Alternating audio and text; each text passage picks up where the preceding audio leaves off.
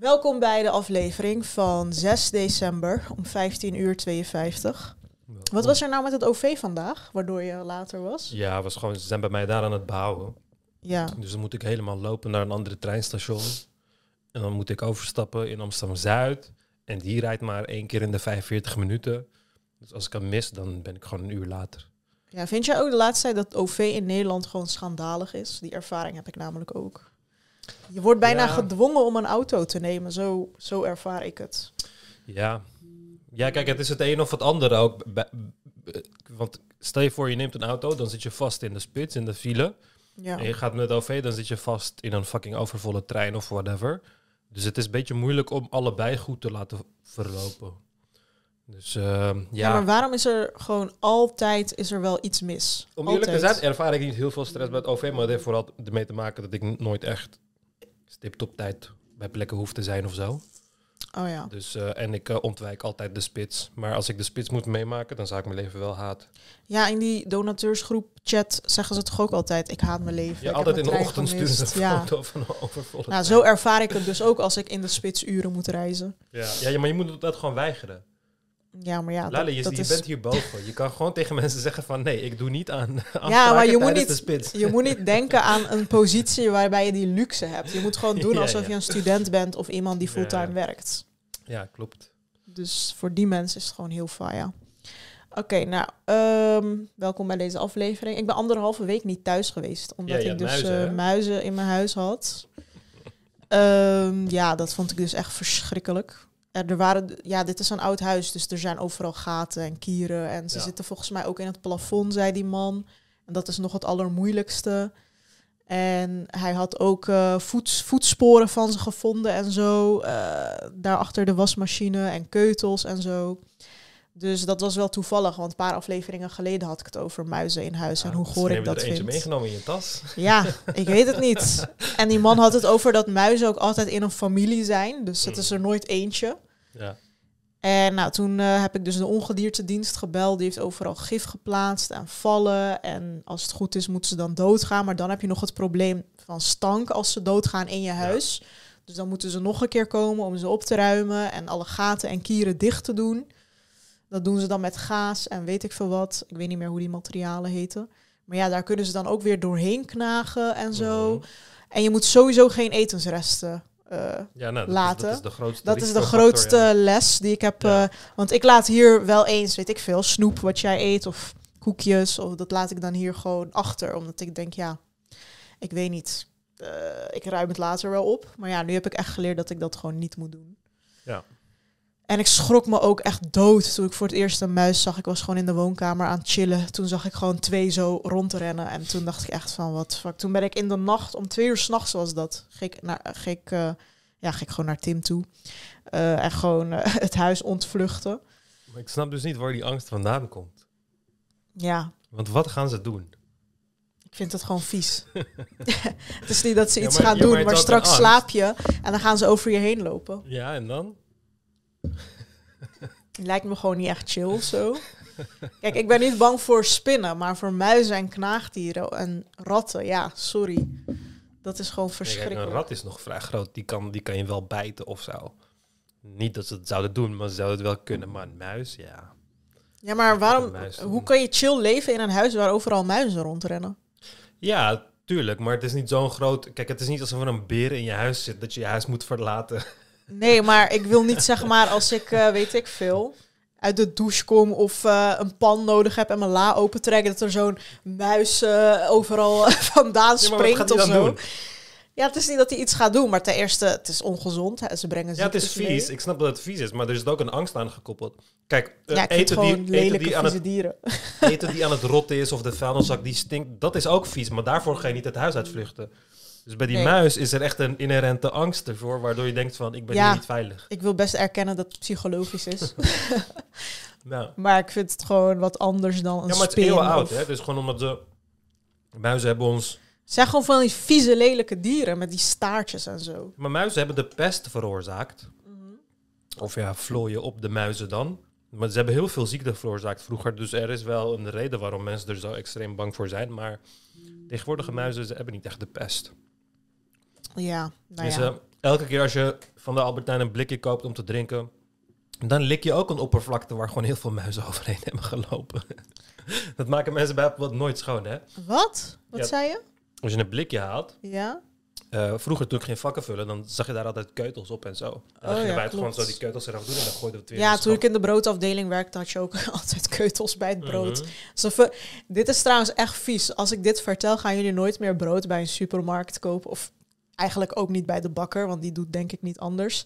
Maar je moet zeg maar, de avond, als je avonddienst hebt, moet je voor de volgende ochtend in de broodafdeling, moet je dan dingen alvast klaarzetten op zo'n Ja. kar, brood en zo, die dan in de ochtend afbakt.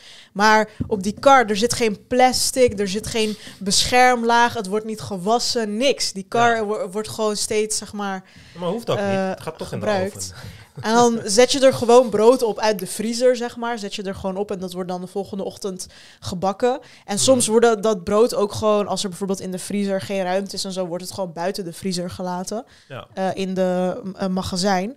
En daar lopen gewoon muizen rond. En die, eh, soms vind je ook gewoon een muis in een brood en zo. Dat soort dingen gebeurden heel vaak. ja, zolang het in de oven is geweest, kan het geen kwaad. ja. Oh, mm, wordt- gebakken muis. Het wordt gesteriliseerd. Ja, maar dat is, dat is zo bij de, Kijk, als je kijkt naar de evolutie van brood, bijvoorbeeld. Vroeger was alle brood plat brood. Ja? Alle brood is plat brood, want om brood luchtig te maken, zoals het brood dat wij kennen, heeft het gist nodig. Moet je het laten gisten. Dus nu gooien we er gewoon bakkersgist bij. Vroeger had je niet bakkersgist die je ergens kon kopen, maar gist zit gewoon in de lucht. Dus dan liet je die brood gewoon staan en dan kwam er gist, dus schimmel, gist is een schimmel. Dat kwam dan op die brood en dan ging de brood zachtjes fermenteren, rotten als het ware. En dan komen er gasbubbeltjes erin. En dan ging je deeg rijzen. En dan krijg je brood. Dus we hebben brood hebben we omdat, het, omdat we het onbedekt hebben gelaten en gewacht tot het is beginnen te rotten. Om het vervolgens in de oven te doen en er een luchtig broodje uit te halen. Dus het kan voordelen hebben. Tegen, tegen brood zeggen we nu ook niet van, oh gadver, ik eet plat brood. Want normaal brood is gerot brood. Het is in de oven geweest, dus het is gewoon veilig. Maakt het voor de rest niet uit. Maar heb je het nu over muizen die in de oven zijn geweest? hoor? Ja, muizen Ik ook. snap het niet. Alle bacteriën die, die raken gewoon vernietigd. Oh, gewoon dat de dat, is mui- met, ja, dat is met veel van die dingen zo. Bijvoorbeeld alles wat ingeblikt is, ingeblikte groentes en dat soort dingen. Daar zitten gewoon ook keutels in, daar zitten haren in, daar zitten insecten in. Er zijn allemaal ehm, bepaalde eh, grenzen, grenswaardes die niet overs- overschreden mogen worden, maar die mogen er gewoon in zitten. Maar omdat je het pasteuriseert voordat je het inblikt, is er gewoon niks aan de hand.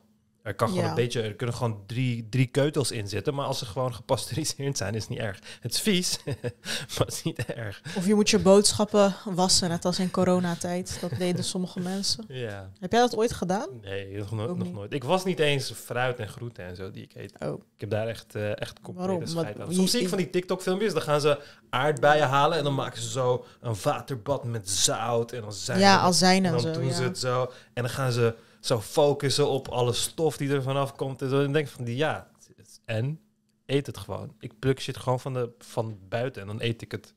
Weet je wat? wat Nee, maar bijvoorbeeld bij appels voel je letterlijk een wakslaag. Oh ja, maar appels schil ik sowieso altijd. Ja, Ik ben niet eh, alleen uncivilized mensen eten appel met een schil. vroeger had ik dat gewoon altijd met schil. Omdat mensen zeiden, mijn moeder zei dat de vitamines in de schil zaten. ja. Is dat niet zo dan? Mm, Ja, er zit wel een bron van waarheid in. Nou, dat dus. En ik had dus apparaten besteld, eh, muizenverjagers. Omdat iemand zei dat dat helpt. Maar toen had ik het aan jou, ja, Nee, toen had ik aan jou gevraagd en toen zei dat het niet werkt. Nee. Voor niks vijft. Oh, Oh, daar gaat de camera. oké. Ik weet niet waarom dat is gebeurd, maar... Ja, maar die eh, apparaten die dus eh, geluid afgeven, die werken niet. Nee, dat is van die ultrasoongeluid. Die heb je ook voor muggen en voor... Maar waarom zijn ze dan op de markt? mollen. Ja, nou, waarom is 90% van de dingen op de markt? Ik vind echt een soort van oplichting of zo. Dat Ja. er producten op Ja. de markt zijn waarvan mensen beweren... Ja. hierdoor krijg je geen muizen. En dat mensen dat gaan kopen, want het is Mhm. ook best wel duur. En dat het dan gewoon niet zo blijkt te zijn. Ja. ja, kijk, eigenlijk zou je een soort van... Kijk, je hebt de Consumentenbond in Nederland bijvoorbeeld. En wat doet de Consumentenbond dan? Dan gaan ze soms... Daar moet je toch abonnee van zijn? Ja, dan gaan ze soms bijvoorbeeld alle airfryers testen of zo. En dan Ja. kijken ze van welke komt het best uit de bus en weet ik veel wat. En eigenlijk heb je zo'n organisatie nodig eh, voor, in, voor de hele EU. Gewoon een organisatie waar we een paar miljard per jaar in steken. Waar dan producten getest kunnen worden. En dan hoor je ook, je hoort zeg maar wetgeving op te brengen, sowieso over dat producten niet op zo'n wijze worden gemaakt dat ze te kort meegaan. Wat zorgt voor meer afval en meer kosten en dat soort dingen. Heel veel bedrijven doen dat tegenwoordig. En dat je ook eh, onderzoekt of de producten daadwerkelijk werken. En dat je dan, als je een product op de markt wil brengen, dat je dan een aantal duizend euro aan de kant moet zetten om dat product te laten keuren door die organisatie voordat het verkocht mag worden in de EU. Zoiets zou je echt moeten hebben. Want tegenwoordig is het zo makkelijk om gewoon een flut... Het is, het is tegenwoordig een meme. Dat je gewoon... Je hebt een leuk filmpje gezien van een product op Instagram. En Ja. dan koop je het en dan is het gewoon troep. het is gewoon troep. Ja, ik had toch, ehm, dat zie ik ook nu op Temu en zo. Die eh ding waardoor je haren zogenaamd Oh ja, dat, ik had het nog uitgeprobeerd en deed niks. Ja, maar het, ik zie nog steeds dat overal. En influencers die het zo laten zien en Ja. promoten, die Vadim Koert en zo. Maar ik heb het gekocht destijds voor 25 euro of zo, terwijl het op Temu 1 euro is. En eh, het doet helemaal niks. Dus hoe kan het dan nog op de markt zijn? Hoe kunnen mensen het promoten? Ik Ja, het omdat, niet. want uiteindelijk, kijk, Of niemand... deed ik wat verkeerd? Want niemand gaat het opnieuw kopen. Niemand ga- je gaat geen returning customers hebben, want het werkt niet. Dus je moet gewoon eh, zoveel mogelijk advertisen. En aangezien het 1 euro kost en je verkoopt het voor 15 euro of 20 euro, dan kun je echt extreem veel in advertisement zetten. Hè? Waarom doet hij dat steeds? Dan kun je echt extreem veel in advertisement zetten en nog steeds winst pakken.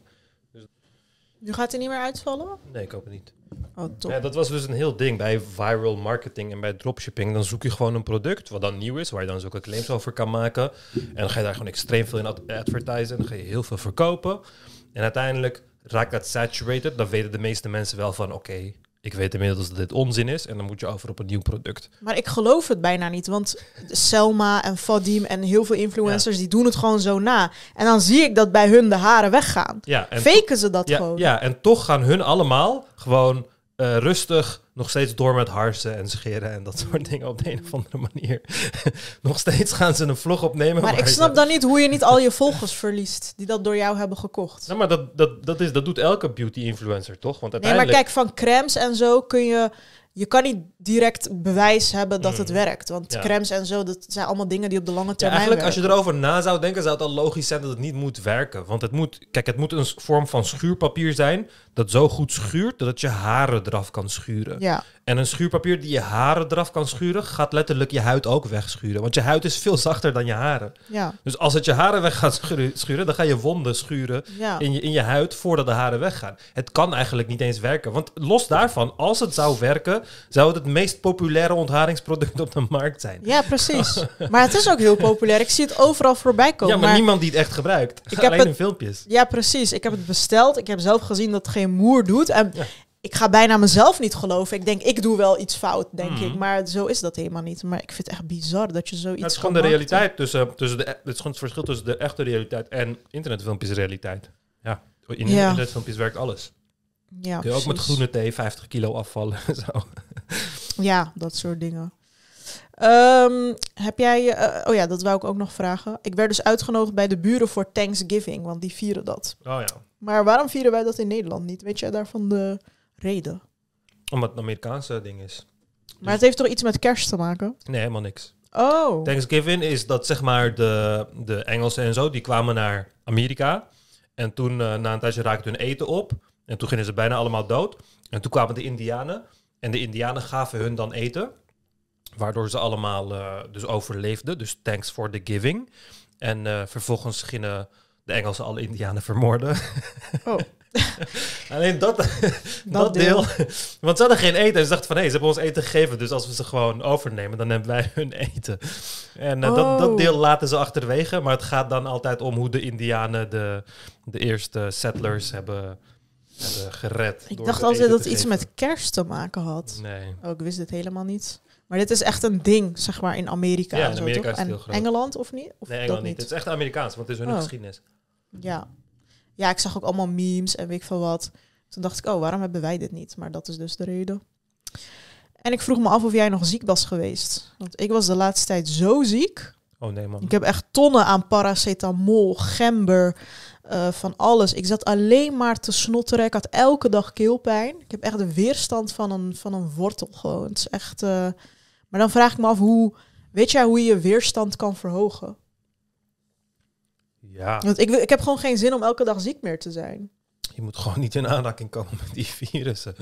Ja, maar ja, ik eh, doe gewoon mijn best. Ik loop ook gewoon buiten. En, eh, Ja. maar waarom wordt de ene persoon niet ziek en de ander de, elke dag? Ik denk dat een van de grootste redenen waarom ik nooit ziek word, komt omdat ik altijd de, de spits eh, skip. Een van de beste manieren om ziek te worden is gewoon met heel veel mensen in de bus zitten, met heel veel mensen op kantoor zitten, met heel veel mensen in besloten, gesloten ruimtes zitten. Ja, Dat waar, is, waar eh, er gehoest en geproest wordt eigenlijk. Ja, ja. En ehm, ja, dat, dat eh, ontwijk ik heel erg. En ik denk dat dat één van de dingen is. Maar ik heb sowieso over het algemeen wel een goede resistentie tegen ziektes en zo. Maar eh, ja, nee, je, je kan je immuunsysteem niet echt verhogen op die manier. Het is... ehm, Maar het is echt storend als je elke dag ziek bent, man. mm, Kun je gewoon niet meer functioneren. Ja. Ik, ik wist Ja. ook niet wat ik kon slikken nog meer dan paracetamol en antigrippine en neusspray. En ja, wat kan je nou slikken om soort van sterker te worden of je weerstand beter te maken? ja, kijk, wanneer je, wanneer je door die hele ziektefase gaat, dan is er eigenlijk vrij weinig wat je eraan kan doen om dat te verkorten. Want je, je, je lichaam is al overgenomen door een ziektemaker op dat moment. En dat is gewoon het proces wat jij moet doorstaan om dat uit je lichaam te krijgen, om dat te doden als het ware. Dus je lichaamstemperatuur gaat omhoog om het virus te doden en weet ik veel wat allemaal. Dus daarom heel veel van de medicaties die wij nemen. Dus bijvoorbeeld, eh jou, ja, jij, jij krijgt griep, griepvirus zit in jouw lichaam. Jouw lichaam gaat jouw lichaamstemperatuur verhogen om die virus te doden. En dan neem jij antigriepmedicatie, wat dan je lichaamstemperatuur weer verlaagt. Maar je lichaam denkt dan- van, maar ik was die temperatuur aan het verhogen om hem te killen. Dan neem jij dat en dan ga je het weer verlagen en zo. En dat het voelt fijner, want lage lichaamstemperatuur voelt fijner. Met hoge lichaamstemperatuur krijg je koortsachtige symptomen, maar het heeft allemaal een reden.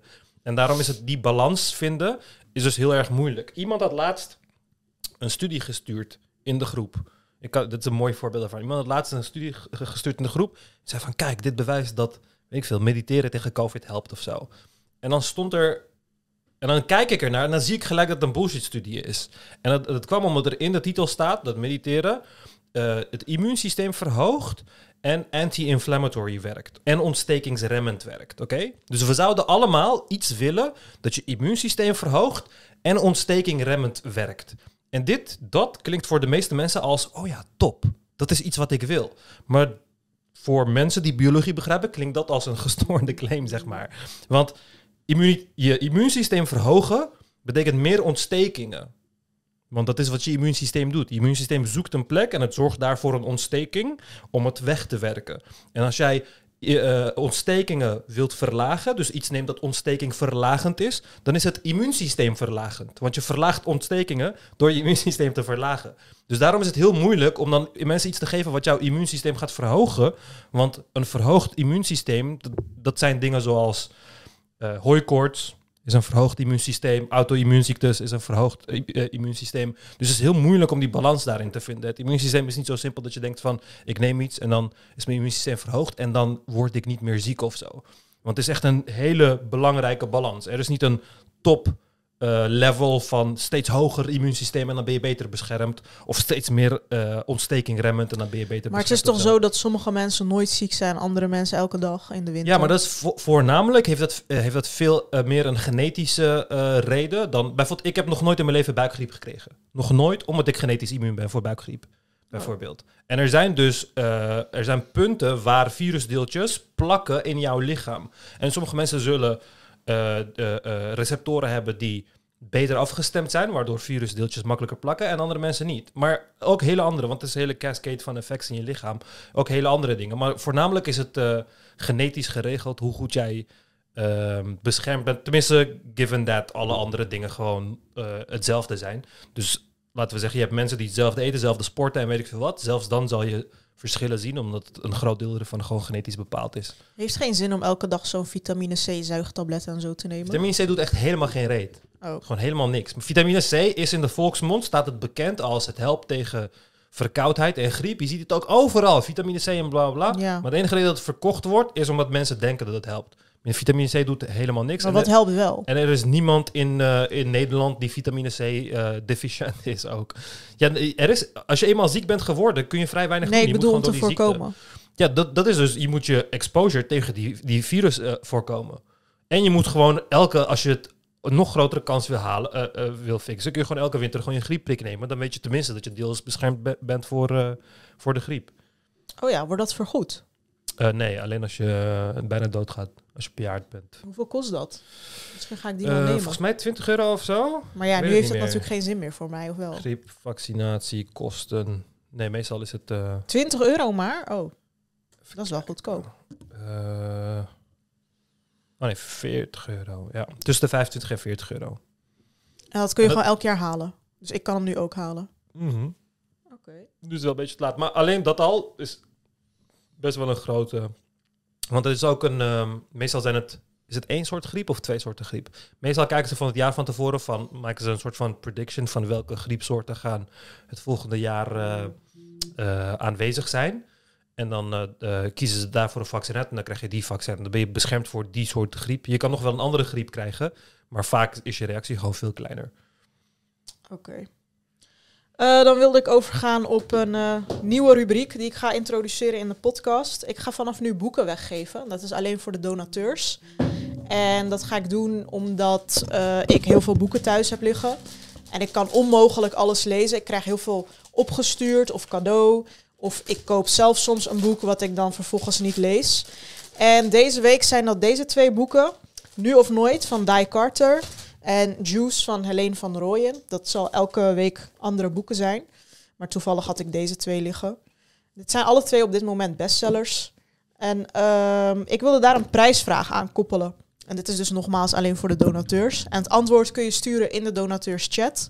En ik dacht, wat is nou een leuke vraag? En dus de, het beste antwoord gaat dan een van deze boeken winnen. En die stuur ik dan op. En ehm, ik zat te denken aan één vraag, de grappigste video-inzending. Ehm, dat leek mij wel leuk. En als tweede vraag, het soort van ehm, meest indrukwekkende product op Temu. Of Temu. Oh ja. Waar, waarvan ik denk van oké, dat is daar zo goedkoop. Wat in, zeg maar, in de winkels die wij kennen duur is of zo. Of zo handig. Ja, als je dat kan vinden, dan eh, win je een van deze boeken. En dat wil ik vanaf nu eh, om de paar weken zo doen. Dus laat vooral Dus weten. laat Lale lachen of vind een nieuwe shopping addiction voor Lale. Ja, precies. Het moet een revolutionair product zijn. Nou, oké, ik ben benieuwd. Of heb jij een betere prijsvraag? Nee. Ja, ik denk dat dit hem worden. Volgende keer ga ik er wat langer over nadenken. Ehm, over Timo gesproken. Jij had het over opwarmbaar kleding voor Mushu, toch? Oh ja. Heb je dat nog besteld? Voor, ik wil eentje voor Mushu maken, maar je hebt gewoon... Je hebt gewoon van die jassen en van die sweaters en van die vesten, waar dan gewoon een USB-kabel uit hangt. En dan koppel je dat aan zo'n eh, powerbank, gewoon waar je je telefoon mee oplaadt. En dan wordt die hele jas gewoon warm. Ja. Dus dat is echt chill voor in de winter. En eh, dat heb je gewoon op Timo voor hem. Ook in zijn maat. oh nee, niet maar. voor hem. Ik wil eentje voor hem maken. Oh, je wilt het wil Gewoon voor maken. mensen, ja. Ik wil gewoon één voor hem maken, zodat, ik hem in de, zodat hij in de winter naar buiten kan en gewoon warm is. Dus je wil die van de men voor de mensen wil je bestellen en dan eentje voor hem knippen of zo. Ja, zit, ik, ik moet in principe gewoon een kledingstuk hebben en dan heb je gewoon een hitte-element. Dat is gewoon, Oh, kan je dat los bestellen? ja, dan moet je dat erin verwerken. Dat is wel en dan moet je handig, gewoon ja. een kleine battery pack. Want ik vind het zielig dat hij niet naar buiten kan, maar hij wil steeds naar buiten door het raam. Maar als hij naar buiten gaat, gaat hij bevriezen. Ja, Gewoon binnen drie minuten gaat hij niet meer kunnen lopen. want voor de mensen die het niet weten, jij hebt een eh, Een bearded Mushu. dragon. Ja, dat is Mushu hier zo. En Dus, eh, maar hij, het hij, zijn leefomgeving temperatuur moet zijn minimaal. Ja, want dit zijn koudbloedige dieren. Dus ze kunnen zichzelf zelf niet warm maken. Dus hun lichaamstemperatuur is afhankelijk van de buitentemperatuur. Dus als hij naar buiten gaat, dan wordt hij gewoon 0 graden. Want hij kan zichzelf niet verwarmen. Want en dan- hoeveel moet dan de omgeving minimaal zijn, zodat hij kan, prettig kan leven, zeg maar? Ehm, Prettig leven, dan kijk je eigenlijk tussen de 30 en 45 graden. Oh, wow. Ja. Dat is het in de Ja. zomer hier niet eens. ja, in de avonden vindt hij het gewoon vindt hij 20 chiller, zeg maar. Dan is 20 echt minimaal. Maar lager dan 20 wil je gewoon nooit gaan. maar is jouw dus, huis dan eh, minimaal 20 altijd? Ja, mijn huis is altijd 21. Oh ja. En, eh, hij, eh, maar hij slaapt ook sowieso zijn, in zijn hoekje. Daar heb je best wel veel warmte.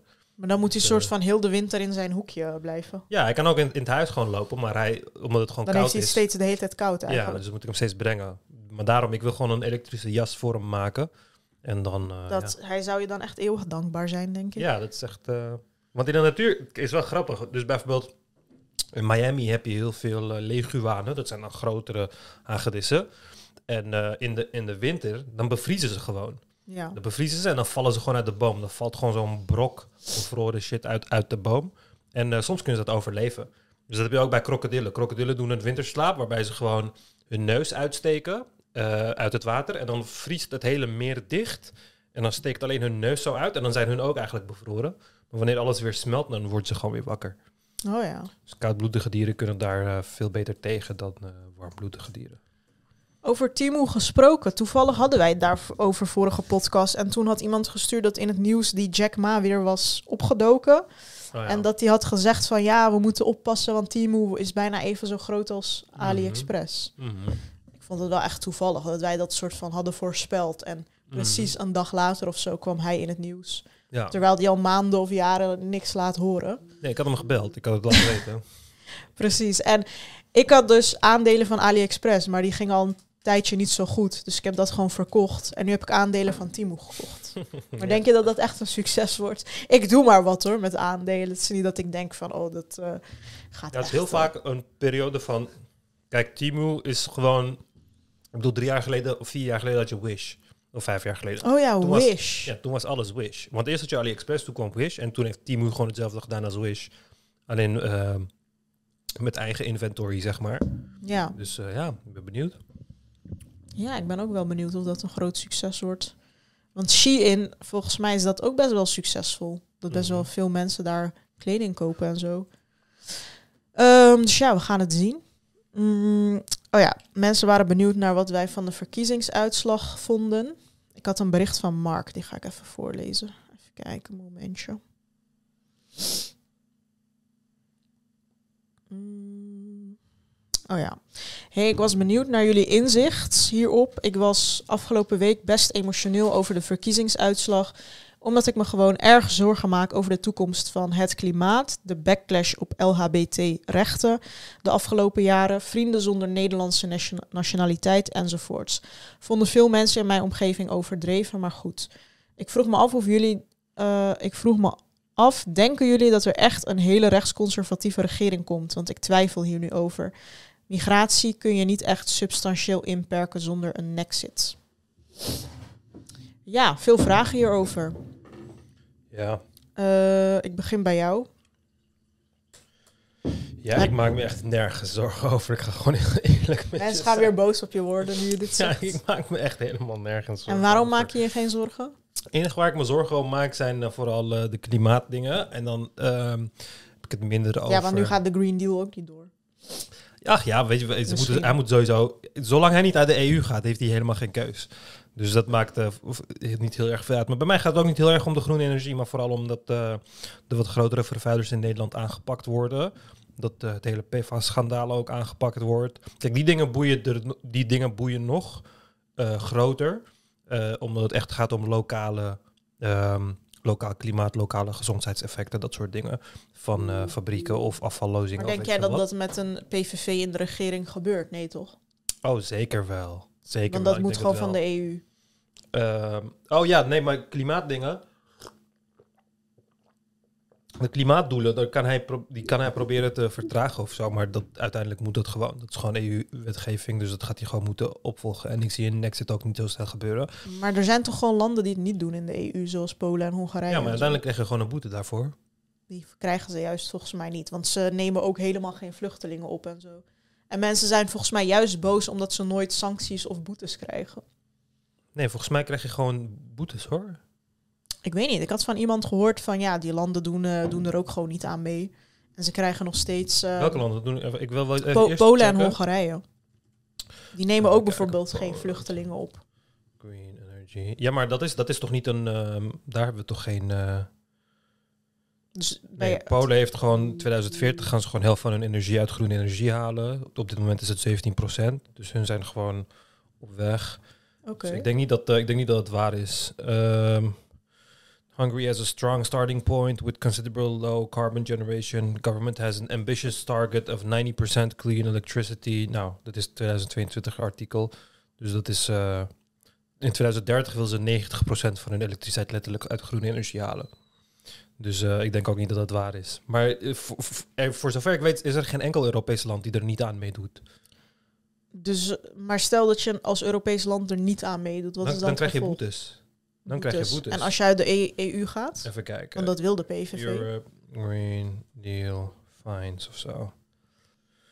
Nee, er zijn wel bedrijven die fines hebben gekregen omdat ze EU pollution laws hebben verbroken. Maar even kijken. What happens when countries break EU environmental law? Eh, nee, voor zover tot nu toe heeft niemand eh, ja, het, het is iedereen gewoon op koers. België is aangeklaagd nu de, omdat ehm, eh, wat was het nou? Ja, kijk, rechter dwingt België, Vlaanderen en Brussel tot strenger klimaatbeleid. De grondrechten triomferen over aanslepend eh, politiek opportunisme. Dus dit was een case van een aantal maanden geleden, eh, waarbij een bedrijf letterlijk de staat had aangeklaagd. En de rechter had toen, omdat België niet hard genoeg achter hun klimaatdingen aangaat. En toen heeft de rechter letterlijk eh, België, Vlaanderen en Brussel gedwongen tot een strenger klimaatbeleid. Dus uiteindelijk ga je dat ook in Nederland krijgen. Want we, hebben, we hebben die shit gewoon getekend en we moeten ons eraan houden. Niet als je uit de EU gaat. Ja, precies. Dus dan gaan wij uiteindelijk uit de EU eh, moeten en ik zie dat echt niet gebeuren. Ik zie dat echt niet makkelijk gebeuren. Nee, Alle, dingen, alle niet. dingen die Wilders wilt bereiken kun je alleen doen als je uit de EU gaat. Ja. En ik weet niet hoeveel support hij daarvoor, daarvoor gaat krijgen. Kijk, het probleem is, we krijgen een. We, we hebben last van vergrijzing. En vergrijzing is een van de beste manieren om als land gewoon echt kankerdom te worden. Want hetzelfde probleem had de UK ook. Weet je, dan waren het al die 60-plussers die dan voor een brexit gingen stemmen. En uiteindelijk, ja, over 15 jaar gaan hen dood. En dan zitten alle, alle jongeren met de, de fucking gebakken peren. Dus Is de eh, brexit nou voordelig geweest of nadelig? Nee, voor de meeste mensen is het fucking nadelig geweest. En ze hebben er ook heel veel spijt van gehad. Maar ja, Maar dan kunnen ze toch weer terug in de EU, of niet? oh, dat weet ik niet. Dat weet ik niet. Maar als er nu... Ja, ik weet niet wanneer de verkiezingen zijn in de UK, maar... Dan zouden ze moeten stemmen om terug in de EU te moeten.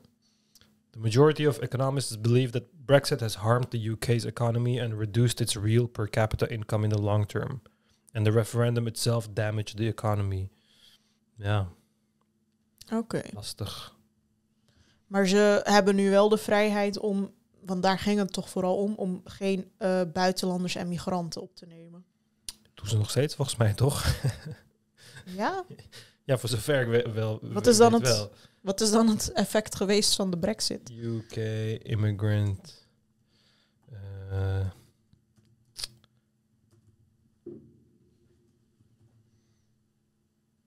mijn kaart niet? Oh, ja. Eh, 1,2 miljoen in 2022. Wow. Ik dacht juist dat ze daardoor de brexit hadden. Om dat juist te vermijden. Ehm, ja, blijkbaar eh, blijven mensen gewoon komen. Hè? Wie had dat ooit gedacht? Wie had dat ooit gedacht? Mensen dachten van, oh, er gaan mensen stoppen met naar een eiland komen als ze uit de EU gaan. Het is eh, ook alleen maar omhoog gegaan, blijkbaar. Maar misschien kun ja, die mensen blijven natuurlijk wel komen. Alleen misschien kun je ze dan nu makkelijker eh, uitzetten of zo. Ja, nee, dus er zijn eh 1,2 miljoen mensen erbij gekomen en 500.000 mensen eraf. Dus dan hou je nog steeds 700.000 mensen over. En dat zijn vluchtelingen. Het is gewoon immigratie, long-term immigration. Oh ja, maar dat zijn ook expats en zo. Ik bedoel gewoon Most illegale people vluchtelingen. uh, were non-EU nationals, followed by EU and British.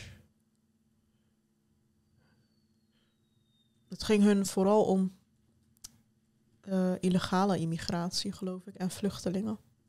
Even kijken. Uh, bla, bla. As of November 2022, there were 20, hun- uh, uh, 231.000 refugees, 127 pending asylum, 5000 stateless person. Ja, nee, ik zie alleen maar dat is gestegen. Eh, explosief ook nog. In 2022 zijn er meer mensen in kleine bootjes naar de UK gevaren dan ooit. Echt drie, vier keer zoveel als in 2021, 2020. Het is alleen maar omhoog gegaan. Dat is toch raar, want dat was toch de hele reden dat ze de brexit wilden. Ik weet niet of dat per se de, de reden was hoor. Was dat, Dat herinner ik me van die debatten met die, ehm, ik ben zijn naam kwijt, die die referendum had georganiseerd. Eh, oh ja, immigration is er één van inderdaad. Dat was echt de main reason. En omdat het veel geld kostte, de EU. Is ook mooi, want ze, ze hadden ook de laagste migratie. ehm, van andere, van andere Europese landen. En toch hebben ze deze keuze gemaakt. En het is alleen maar gestegen. Maar ja, dat boeit niet, weet je. Het boeit niet dat we precies hebben gezien wat er is gebeurd. Dat de Britse economie ook de enige economie is die niet is gestegen in de laatste tijd. In heel Europa en Amerika. Maar uh, nee, laten we gewoon hetzelfde proberen. Is wel goed. Laten we gewoon hetzelfde proberen. Gewoon zit. Gewoon even proberen, kijken hoe het gaat. Ja, kijk, zo sta ik er ook een beetje in. Uh, dus op, terugkomend op de vraag van Mark. Ja, ik, ik maak me wel ergens zorgen. Maar aan de andere kant denk ik, er is nog geen kabinet, er is nog geen coalitie. We weten helemaal... Uh, alles wijst erop dat Omtzigt en Dylan waarschijnlijk niet met de PVV willen regeren. Dus ik weet dan niet überhaupt... Het lijkt erop dat de PVV überhaupt niet in de regering komt. En als ze er al in komen, dat ze echt gewoon bijna alles van hun programma niet waar kunnen maken. Omdat die andere partijen daar super erg op tegen zijn. Ik bedoel, VVD en Omtzigt willen echt niet uit de EU of zo. Dus dan denk ik, ja... Het zou echt desastreus zijn voor Nederland. Ja, precies. Kijk, Engeland is nog best wel een gevestigde macht of zo, maar Nederland... je bent Nederland. Ja. Je bent letterlijk Nederland. Je kan in je eentje echt geen reet. Ja, en heel veel mensen denken in Nederland alsof we, alsof we een soort Amerikaans systeem hebben van, oh ja, degene die wint, die uh, bepaalt Mhm. alles of zo. Dat is niet zo. Al, al heeft Wilders 50 zetels bij de volgende Ja. verkiezing, hij moet altijd in een coalitie, hij moet altijd samenwerken. En die partijen waarmee hij moet samenwerken, zullen nooit instemmen met extreme dingen zoals buitenlanders eruit of uit Ja. de EU of terug naar de gulden of zwarte Piet terug of Ja. weet je wel, al die, want zijn hele programma is extreem of Eerste Kamer afschaffen. Dus dan denk ik van ja, ik kan me nu wel heel erg zorgen zijn, gaan zitten maken, maar ja, wat is de kans dat één van die dingen gebeurt? Zo sta ik er ook wel een beetje in. Ja. Eh, ik zie het Omtzigt niet doen, ik zie het Dylan niet doen.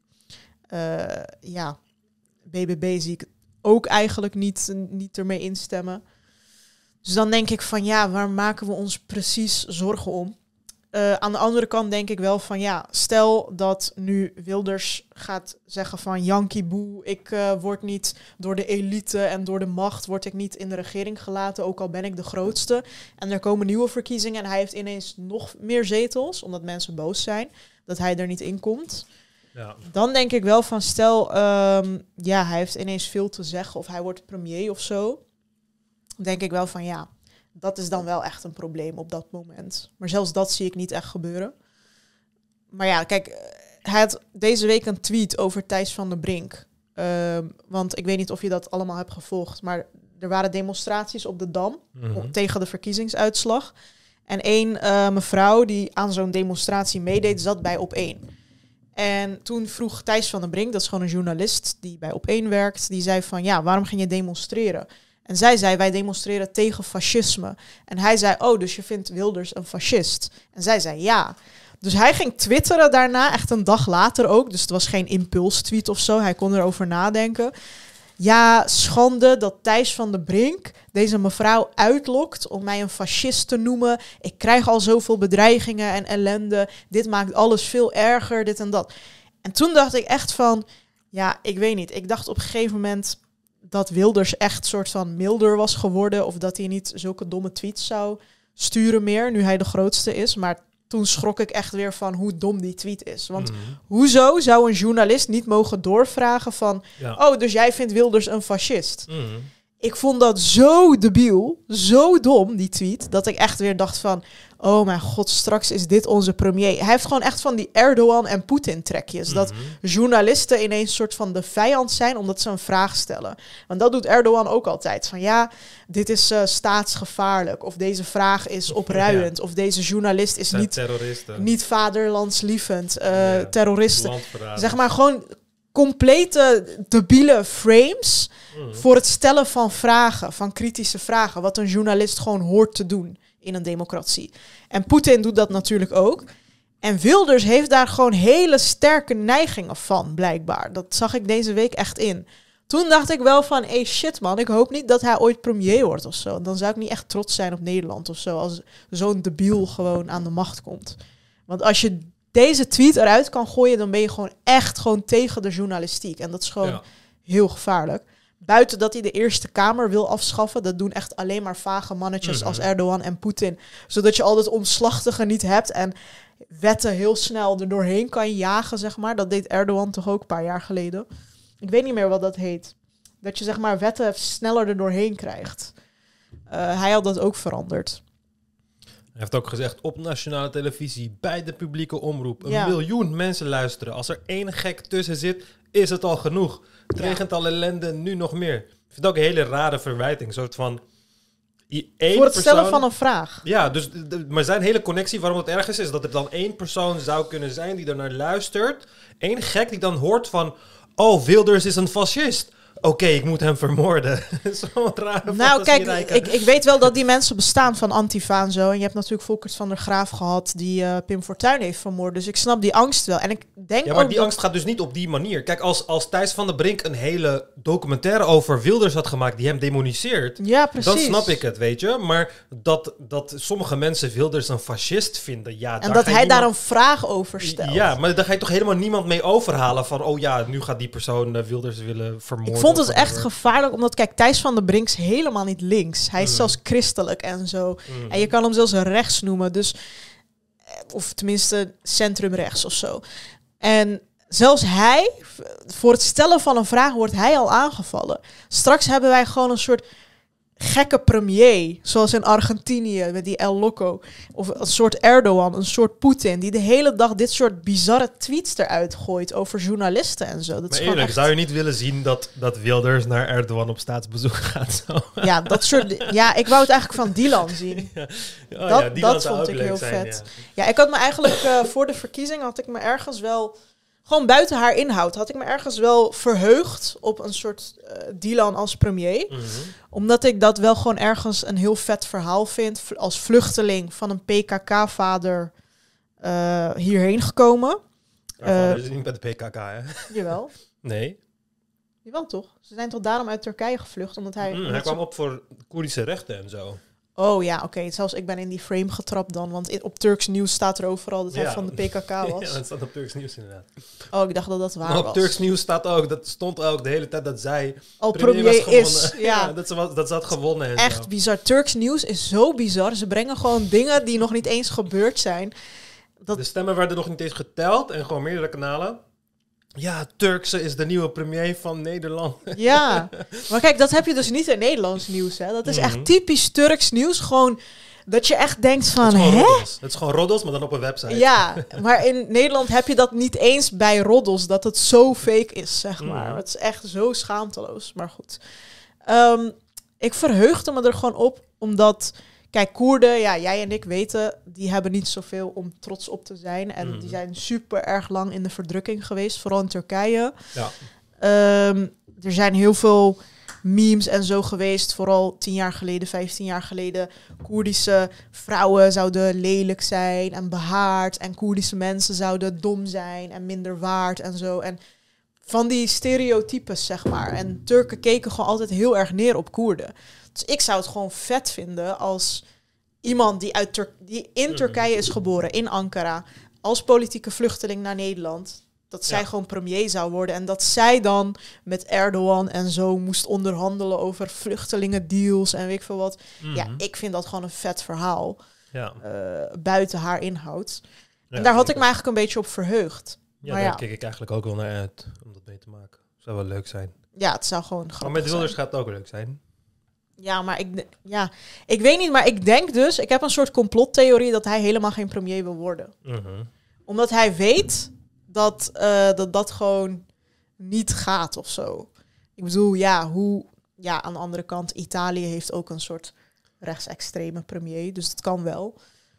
Maar ja, de, hoe wil je met Arabische landen en zo, hoe wil je daar op bezoek komen? Hoe wil je daarmee onderhandelen? Ja, Eh, dat soort dingen. hij gaat gewoon op de foto met de Saudische prinsen en zo. Dat gaan zijn fans niet leuk vinden. Nee, en hoe wil je bijv- bijvoorbeeld, hij erkent niet eens Palestijnen. Dat weten Mhm. heel veel mensen niet, maar PVV erkent niet eens het bestaan van Palestijnen. Eh, ze noemen dat Jordaniërs. Mhm. Echt raar. En stel je je voor dat gewoon Palestina helemaal plat gebombardeerd wordt en dat wij dan een premier hebben die zeggen van Palestijnen bestaan niet of zo. Of dat is Jordanië. Ja, Ja, met Ja. dat soort dingen zie En ik dat het gewoon... gaat dan de Nederlandse positie zijn. Hè? Wat hij Ja. vindt, gaat de Nederlandse positie zijn in de geschiedenis. Ja, precies, dat soort dingen. En ja, ik weet niet, op de een of andere manier. Kijk, ook al die dingen die hij heeft beloofd aan zijn eh, kiezers, die kunnen helemaal niet. En dat Nee. weet hij. Hij zit al tig jaar in de politiek. Hij weet Mhm. precies wat hij voor elkaar kan krijgen en niet. En die kiezers zullen dan super erg teleurgesteld in hem raken. Als bijvoorbeeld ze zien dat er nog steeds immigranten komen. Ja, of En daarom zou het juist moeten gebeuren. Daarom zou hij eigenlijk complete macht moeten krijgen. Gewoon voor een jaartje of vier, vijf. Zodat mensen dan kunnen zien van, oh, oh ja, nee, er is helemaal niks veranderd. Het is alleen maar erger Ja, want heel veel mensen begrijpen dus niet hoe politiek werkt en wat wel en niet mogelijk is. Die denken echt van ja, als hij de grootste is, kan hij alles maken of zo. Ja, Dus ik denk ergens van ja, laat ze, geef ze hun zin, want dan raken ze vanzelf teleurgesteld omdat het Mhm. niet kan. Maar aan de andere kant denk ik, ja, maar dan hebben wij wel fucked up vier jaar dat alle dossiers gewoon niet opgepakt worden en zo. ja. Kijk, wij met Rutte maakten we ons, zeg maar, het ergste wat gebeurd was onder Rutte was de toeslagenaffaire. Maar dat is gewoon, Mhm. gewoon nothing vergeleken met hoe de dossiers erbij liggen als, als er vier jaar PVV-ministers Ja. erop zitten. Ik bedoel, niemand heeft de kennis en kunde om minister te zijn of op die dossiers te zitten en zo. En zij geven geen fok om discriminatie en racisme bij de Belastingdienst of weet ik veel wat. En heel Nederland vond de toeslagenaffaire echt heel erg. Dus dan denk ik van ja, hoe, hoe zie je dat voor je dan? Dus dat Ja. soort dingen laten me wel denken van ja, we zitten echt een, een beetje te kijken naar een toneelstuk, maar hij gaat echt geen premier worden of zo. Ja. Maar goed, ik weet het niet. ja, we gaan het zien. Spannende tijden komen eraan, denk ik. Ja, en waar, waar het ook heel veel over is gegaan in het nieuws, is dat de linkse partijen vooral in de rijke buurten de grootste waren. Ja. En PVV vooral in de armste buurten, buurten de grootste waren. Bijvoorbeeld Mhm. Bloemendaal en Amsterdam hebben voor een groot deel PvdA GroenLinks gestemd. Mhm. En Ter Apel, Pekela en Maar dat valt toch wel mee hoe rijk Amsterdam is? Ehm, nou, vooral de rijke buurten in Amsterdam hebben ook PvdA GroenLinks Ja. gestemd. En Bloemendaal is gewoon een van de rijkste gemeenten van, volgens mij de rijkste gemeente van Nederland. En die hebben ook voor een groot deel GroenLinks PvdA gestemd. Ja. Dus dat vond ik, eh, daar ging het heel veel over in podcasts en zo. Van ja, heb je een soort van niet je originele achterban, je linkse achterban, de, zeg maar de arme mensen, heb je die niet een beetje verloren aan de PVV? Door niks te zeggen over immigratie eigenlijk. Daar komt het op neer. Ja. Want PvdA GroenLinks zegt daar gewoon niks over. Die wil, dat willen ze niet beperken, niks. Zij willen het gewoon zo houden. En daar, ja, dat vinden heel veel mensen wel frustrerend.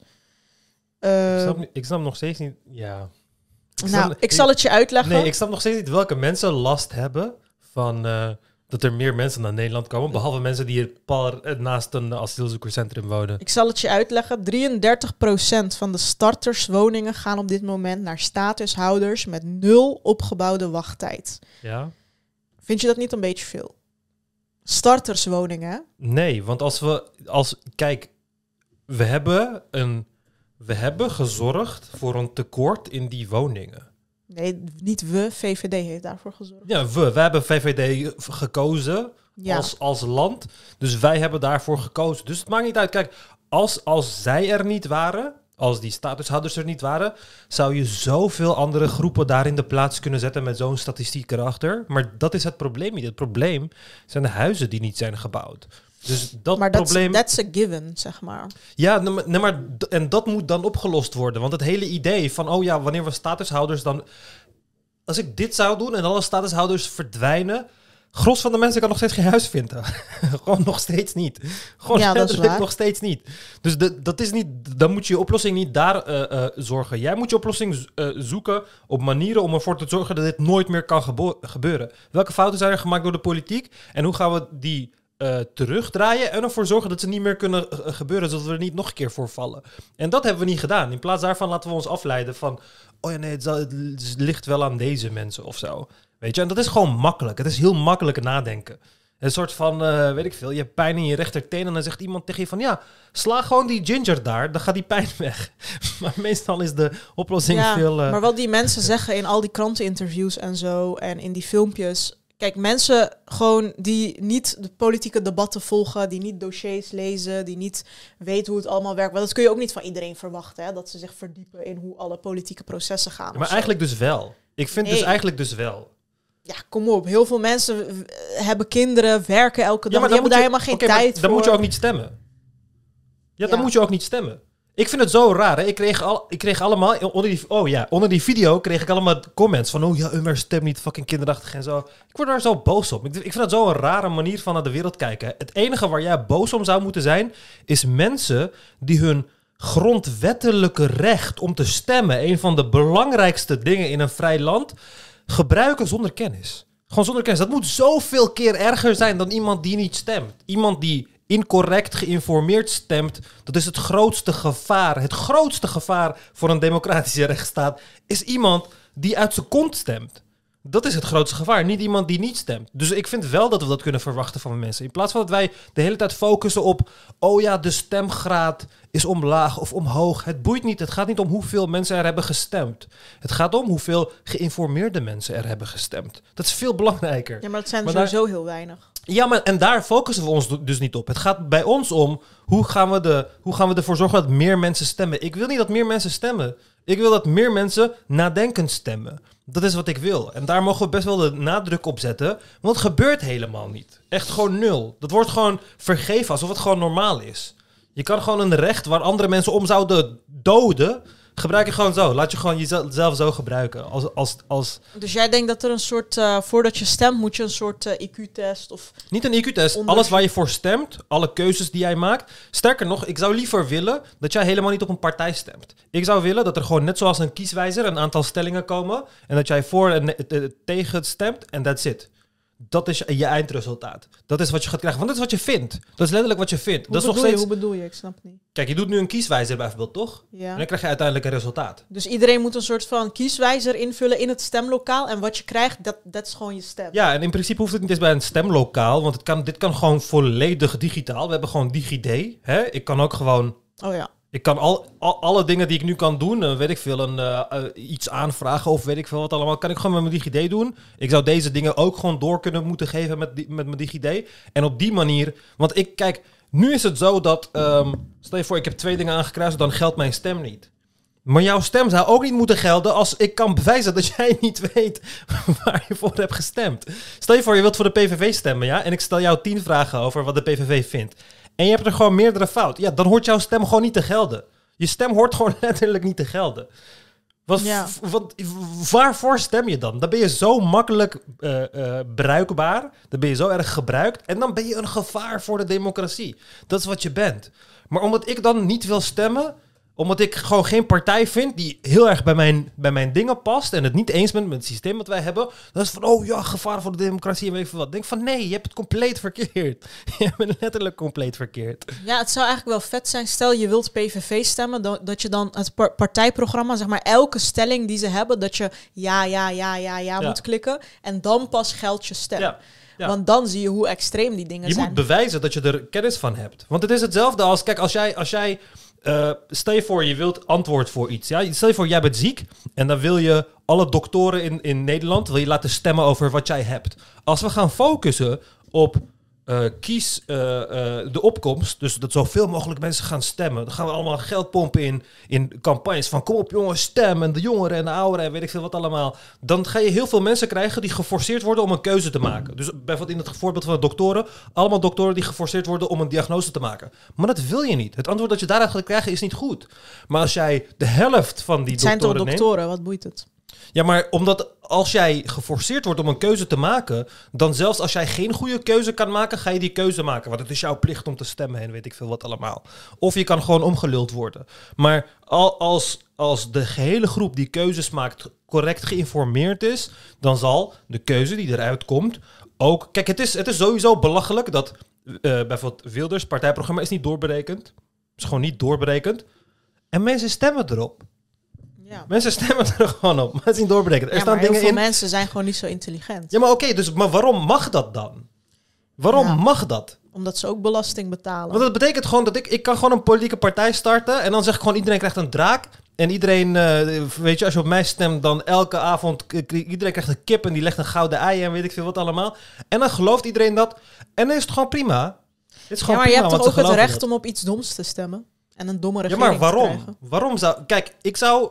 Kijk, rechten zijn belangrijk. Maar het is ook belangrijk dat die rechten gebruikt worden op een goede manier. Kijk, vrijheid van meningsuiting is belangrijk. Maar op de hoek van de straat iedereen uitschelden voor homo... is vrijheid van meningsuiting. Maar we tolereren het niet. Want je gebruikt je, je recht gebruik je voor iets slechts. Voor iets doms gebruik je het. Dus dan scharen we het onder belediging en weet ik veel wat allemaal. En dan zeggen we, kom op, ga naar binnen. Je verstoort de publieke orde. En weet ik veel wat allemaal. En dat moet bij deze rechten moet dat ook. Stemmen is een belangrijk recht. En het moet dan ook niet zo, er moet niet zo luchtig overgegaan worden. Dat ja, zoveel mensen worden overhaald om echt volgens echt hele simpele trucjes eh, eh, eh, op een partij te stemmen. En dan vinden we dat oké. En dan is het gewoon van ja, maar het is democratie.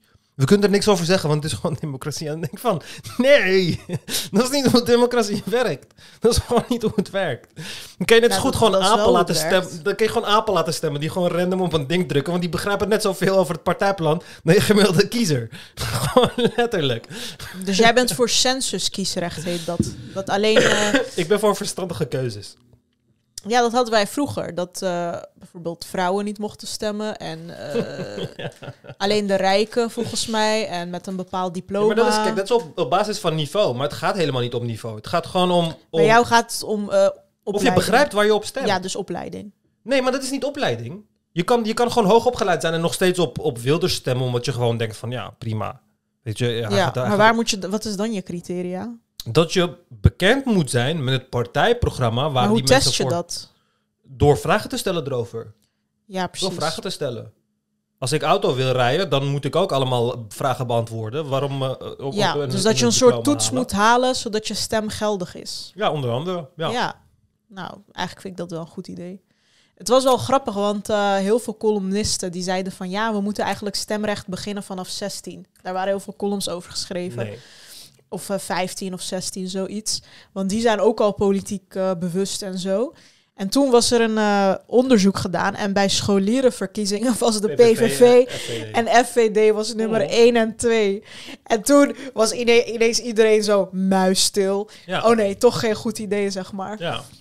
ja, natuurlijk. Maar dat vind ik dan ook weer zo vals. Hè? Dus als het jouw ideologie is die eruit komt, vind je wel dat we vanaf 16 moeten Nee, ik zou stemmen? sowieso nooit vinden dat het eh, vanaf 16 v- eh, vindt. Ja. En als mensen terugkeren omdat dan blijkt dat de PVV of de FVD er, eruit komt, ja, dan is dat ook net zo goed dom. Maar dat, dat betekent ook dat ze alleen met die suggestie kwamen omdat ze denken dat, dat- dachten dat ze daar meer linkse stemmen uit zouden kunnen halen. Ja, heel veel mensen denken dat Nee. jongeren links zijn. Maar dat is in Amerika wel zo, maar volgens mij hier niet. Ik weet niet van eh, mensen, maar social media, ehm, wat dan voornamelijk geconsumeerd wordt door die partij, is niet links. Gewoon niet. Gewoon de grootste channels, uh, nieuws, zes Ja, dat Mokro, is- is, gewoon echt heel erg rechts. En eh, Rogan. Ja, eh, Baudet is super populair op TikTok. Gewoon everybody loves him op TikTok. ja. En dat vertaalt zich niet in volwassen stemmen, maar wel in de jongeren die, waar, waar hij extreem populair is. Want het is Ja. gewoon een troller. En mensen houden van troll.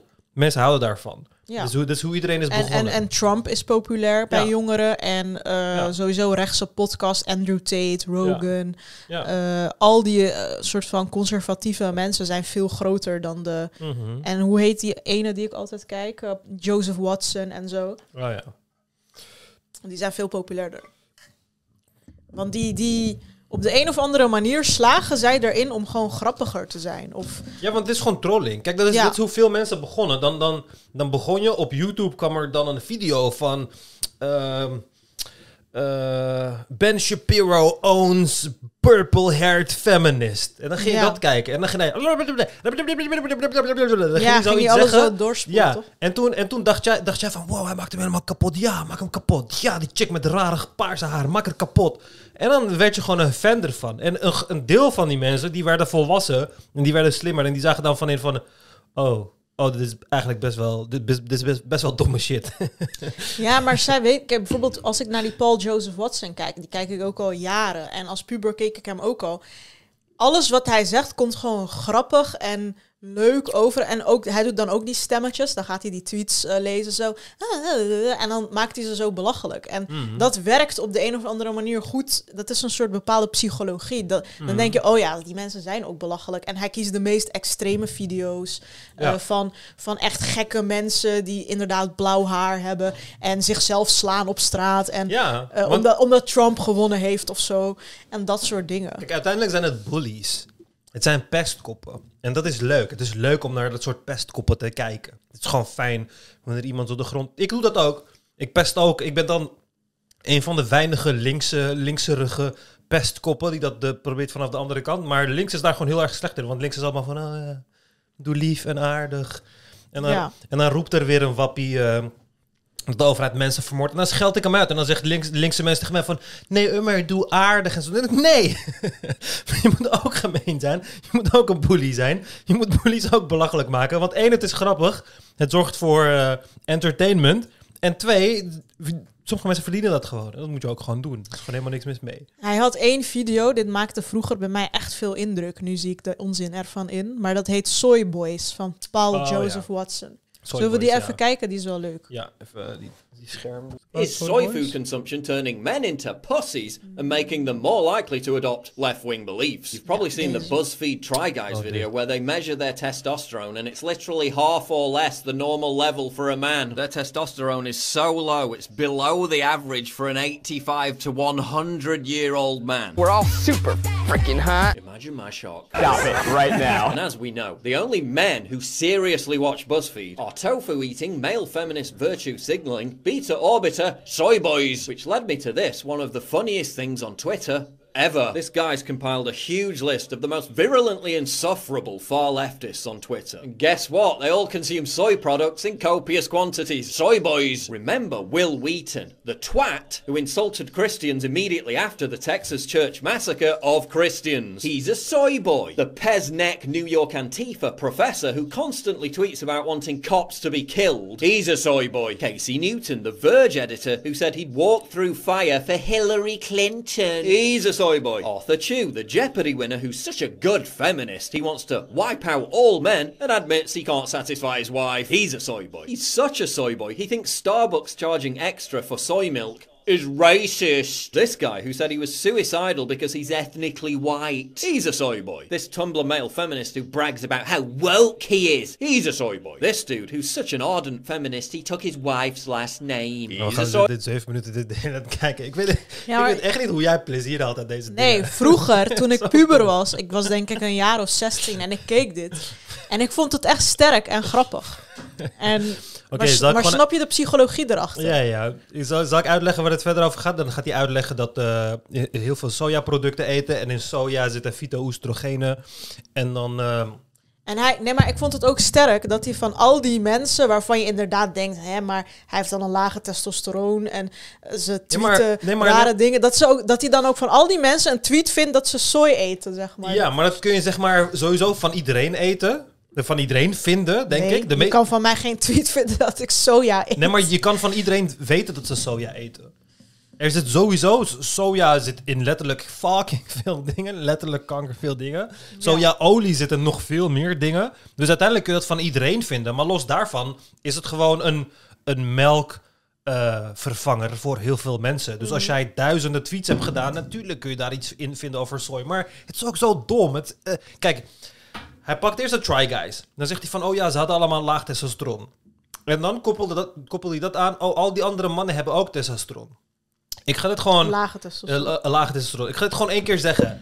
Je kan aan de buitenkant van iemand niet zien hoeveel testosteron hij heeft. Het kan gewoon niet. Het kan gewoon letterlijk niet. Er is een beeld dat ook mensen... niet aan spieren. Nee, er is een beeld dat mensen in hun hoofd hebben van veel testosteron is gespierd. Baard, Nee, ik dacht zo. lage stem, harig, toch? Nee, ja, ja, dat zijn, ja, kijk, dat zijn allemaal effecten van testosteron. Ja. Dat zijn allemaal effecten van testosteron, oké? Maar hoe testosteron werkt, is dat jij jouw lichaam een bepa- bepaalde hoeveelheid testosteron aanmaakt. En vervolgens heb jij testosteronreceptoren waar die testosteron aan moet plakken. En dan heb je iets wat receptor sensitivity heet. Oké, dus wanneer jij 10 mensen neemt en alle 10 mensen geef jij 1000 nanogram per deciliter testosteron, dan zullen ze zich alle, zullen in alle mensen compleet andere, dus zich anders ehm, eh, vertalen, zeg maar. Sommige mensen houden al hun haar wanneer ze kankerhoge testosteron hebben. Sommige mensen verliezen al hun haar wanneer ze fucking weinig testosteron krijgen. Sommige mensen maken fucking veel spier terwijl ze eh, met hoog testosteron. Sommige mensen maken helemaal geen spier met hoog testosteron. Sommige mensen hebben kankergrote lul met veel testosteron. Sommige mensen hebben kankergrote lul met weinig testosteron. Sommige mensen hebben hoge stem. je, kan, je kan letterlijk eindeloos doorgaan. Het hele Dus je hebt er geen aanwijzingen voor. Nee, misschien zou je een gemiddelde iets kunnen vinden, maar het is, dit is dom, want dit soort mensen koppelen dan bijvoorbeeld barbecuen en bier drinken aan uh, testosteron, mannen en weet veel. Bier verlaagt je testosteron. veel vlees eten verlaagt je testosteron, letterlijk. Maar wat het hierover gaat, deze soyboys, dus letterlijk vijf, zes jaar geleden, is heel lang geleden, is dat in, in soja zitten fyto-oestrogenen, dat zijn eh, plant compounds die een beetje lijken op oestrogeen. En dan gaan ze studies laten zien dat het feminiserende effecten heeft in mannen. En klopt, die studies zijn er, maar alleen wanneer je gigantische hoeveelheden soja eet. Echt gigantische hoeveelheden. En dan gaat het voornamelijk om culturen waar men volledig vegetarisch is en in gebieden woont waar voornamelijk soja wordt eh, eh, ver- verbouwd. Oké? Dat één. Maar het mooie hieraan, het allerfucking mooiste hieraan, wat laat zien hoe dom deze mensen zijn, is dat dan hebben ze het over sojamelk en zo, toch? Kijk, in sojamelk zitten fyto-oestrogenen die op oestrogeen lijken. Weet je waar echt oestrogeen in zit? In melk. In melk. Melk zit vol met echte oestrogeen. Met echte oestrogeen. Maar al die motherfuckers die melk in hun koffie nemen, nee, hun zijn niet vrouwelijk. Want daar kan je niet een domme connectie maken natuurlijk. Nee, soja. Want dat is links. En ze willen geen echte melk drinken, dus het zijn pussies. Normale melk waar duizend keer meer echte oestrogeen in zit. Nee, dat is niet erg, want dat weten we niet. Daarom is het zulke domme logica. En daarom weet ik ook, van als je fucking 18 bent of zo, dan, dan kijk je naar dit. Maar dan heb je nog nul kritisch denkvermogen ontwikkeld. Nog nul. Daarom ook die kinderen die PVV, FVD stemmen. Dan zie je dit en dan is het leuk. En, het is een, en er is een connectie gelegd. En iemand heeft letterlijk selection bias, confirmation bias gebruikt. Al, al die dingen gebruikt. En dan denk je van, oh ja, nee, kijk, het klopt wel. Het klopt, want ze zien er beta uit. Dus dan zal het ook wel zo zijn. Of ze zien er laag, de, de, eh, ze zien er laag testosteron uit, dus dat zal het ook wel zo zijn. Maar het is gewoon niet zo. Het is Ja. gewoon niet zo. Dat kun je gewoon niet, die koppeling kun je gewoon niet maken. En als je oestrogeenconsumptie wat linken aan linkse mensen, mensen die gewoon zuivelproducten eten, krijgen veel en veel en veel meer eh, oestrogeen binnen. En het is ook dom, want de andere deel wat, eh, wat testosteron omlaag haalt en oestrogeen verhoogt, is dik zijn. Is dik zijn. En het zijn al die niet-vegetarische Amerikanen die hun steaks eten, hun, hun bier drinken en hun melk drinken, die dik zijn. die veel Ja. lagere testosteron hebben. Ja, ik vind het wel grappig, want ehm, jij hebt hier een keer gezegd, als je de meme culture en die internet zeg maar hebt gewonnen, dan heb je eigenlijk alles gewonnen. Dat ging Ja. toen over die voetballer die ging scheiden of zo. Ja. Nee, nee, Amber Heard of zo, daar hadden we het over. Toen zei hij dat. En ik denk dat dat dus voor de politiek ook zo geldt. En wat Mhm. ik zie is dat rechts gewoon het internet heeft. Ze zijn grappiger, leuker, gevatter. ehm, ja, en hebben gewoon betere video's en zo. Eh, en ze zijn gewoon beter in het pesten en het treiteren en one-liners en humor gebruiken en zo. En maar zo, daarom snappen mensen ook niet dat ik, dat ik daarom ook hetzelfde doe. Dat deze mensen die zulke pesters zijn en zo, dat ik daarom een pester wil zijn vanaf de linkerkant. Dat zij zoiets doms kunnen roepen en dat ik dan kan roepen hoe dom ze zijn. Want dat is echt benodigd. Want er is, er is echt een moment in jouw leeftijd, in jouw leven, waarin je wakker wordt en ziet wat deze mensen aan het doen zijn. Dat je beseft van, oh ja, oh ja, het klinkt wel allemaal grappig en weet ik veel wat allemaal, maar eigenlijk is het fucking onzinnig. En zodra Ja. je dat door hebt, dan, dan snap je van, oh ja, ik werd gewoon gebruikt. Ik werd al die tijd gewoon gebruikt. Oh, ik vond Ben Shapiro vet. Ik vond Jordan Peterson vet. Ik vond Andrew Tate vet. Maar in de end ben je gewoon gebruikt. Letterlijk. ja, ik zou willen dat, dat je daar niet alleen achter komt als je gaat studeren of zo, of je erin gaat verdiepen, maar dat je er ook gewoon achter komt door video's die op je feed verschijnen, die ook leuk zijn om te kijken, zeg maar, van linkse mensen die deze mensen weer gaan pesten. Maar, maar daarom het is het dus heel lastig om dat op, op een goede manier te doen. Kijk, een video van iemand die neergeschoten wordt, zal altijd meer views halen dan een video van iemand die geopereerd wordt aan een, aan een wond, aan een schot. Weet je, het is gewoon veel makkelijker. Als, als jij je niet aan regels hoeft te houden, qua ethiek, qua eerlijkheid, qua feitelijkheid, natuurlijk kan je dan veel betere content produceren. Ik kan, ik kan gewoon liegen. Stel je voor, kijk, jij moet een spannend verhaal vertellen, maar het moet waar zijn. En ik moet een spannend verhaal vertellen, maar ik mag liegen. Die van mij gaat veel beter zijn. Die van mij gaat veel beter zijn, want ik hoef me nergens aan te houden. Maar als je, als je aan ethiek en aan eerlijkheid en aan feitelijkheid wilt houden, ja, dan is het heel moeilijk om op te boksen met iets waar die je regels kan toch niet gewoon bestaan. alsnog heel grappig zijn en je aan de Ja, en die heb je. Kijk, bijvoorbeeld eh, Arjen Lubach is daar een goed voorbeeld van. Ja. Weet je, en je hebt heel veel van het soort op tv heb je ze, maar op het internet heb je, ga je weinig van dat soort eh, eh, dingen vinden. Want op internet is het veel gemener. Het is allemaal, ja, echt targeted op mensen, zeg maar. En in de YouTube-sfeer heb je ze wel hoor, maar ze komen gewoon niet in de feed van de meeste mensen, want het is gewoon wat minder hip. Het is ook een grotere drempel om daar eh, aan te beginnen. ja, precies. Maar ik heb het wel eens gehad hoor. Ik, heb, ik had ooit iets over Shapiro gezegd. En toen zei iemand in de comments zei van... eh, nee, Umer, ik draag, daag je uit om Ben Shapiro te ontkrachten. En weet ik veel wat allemaal. En dan denk ik van... Ja, maar...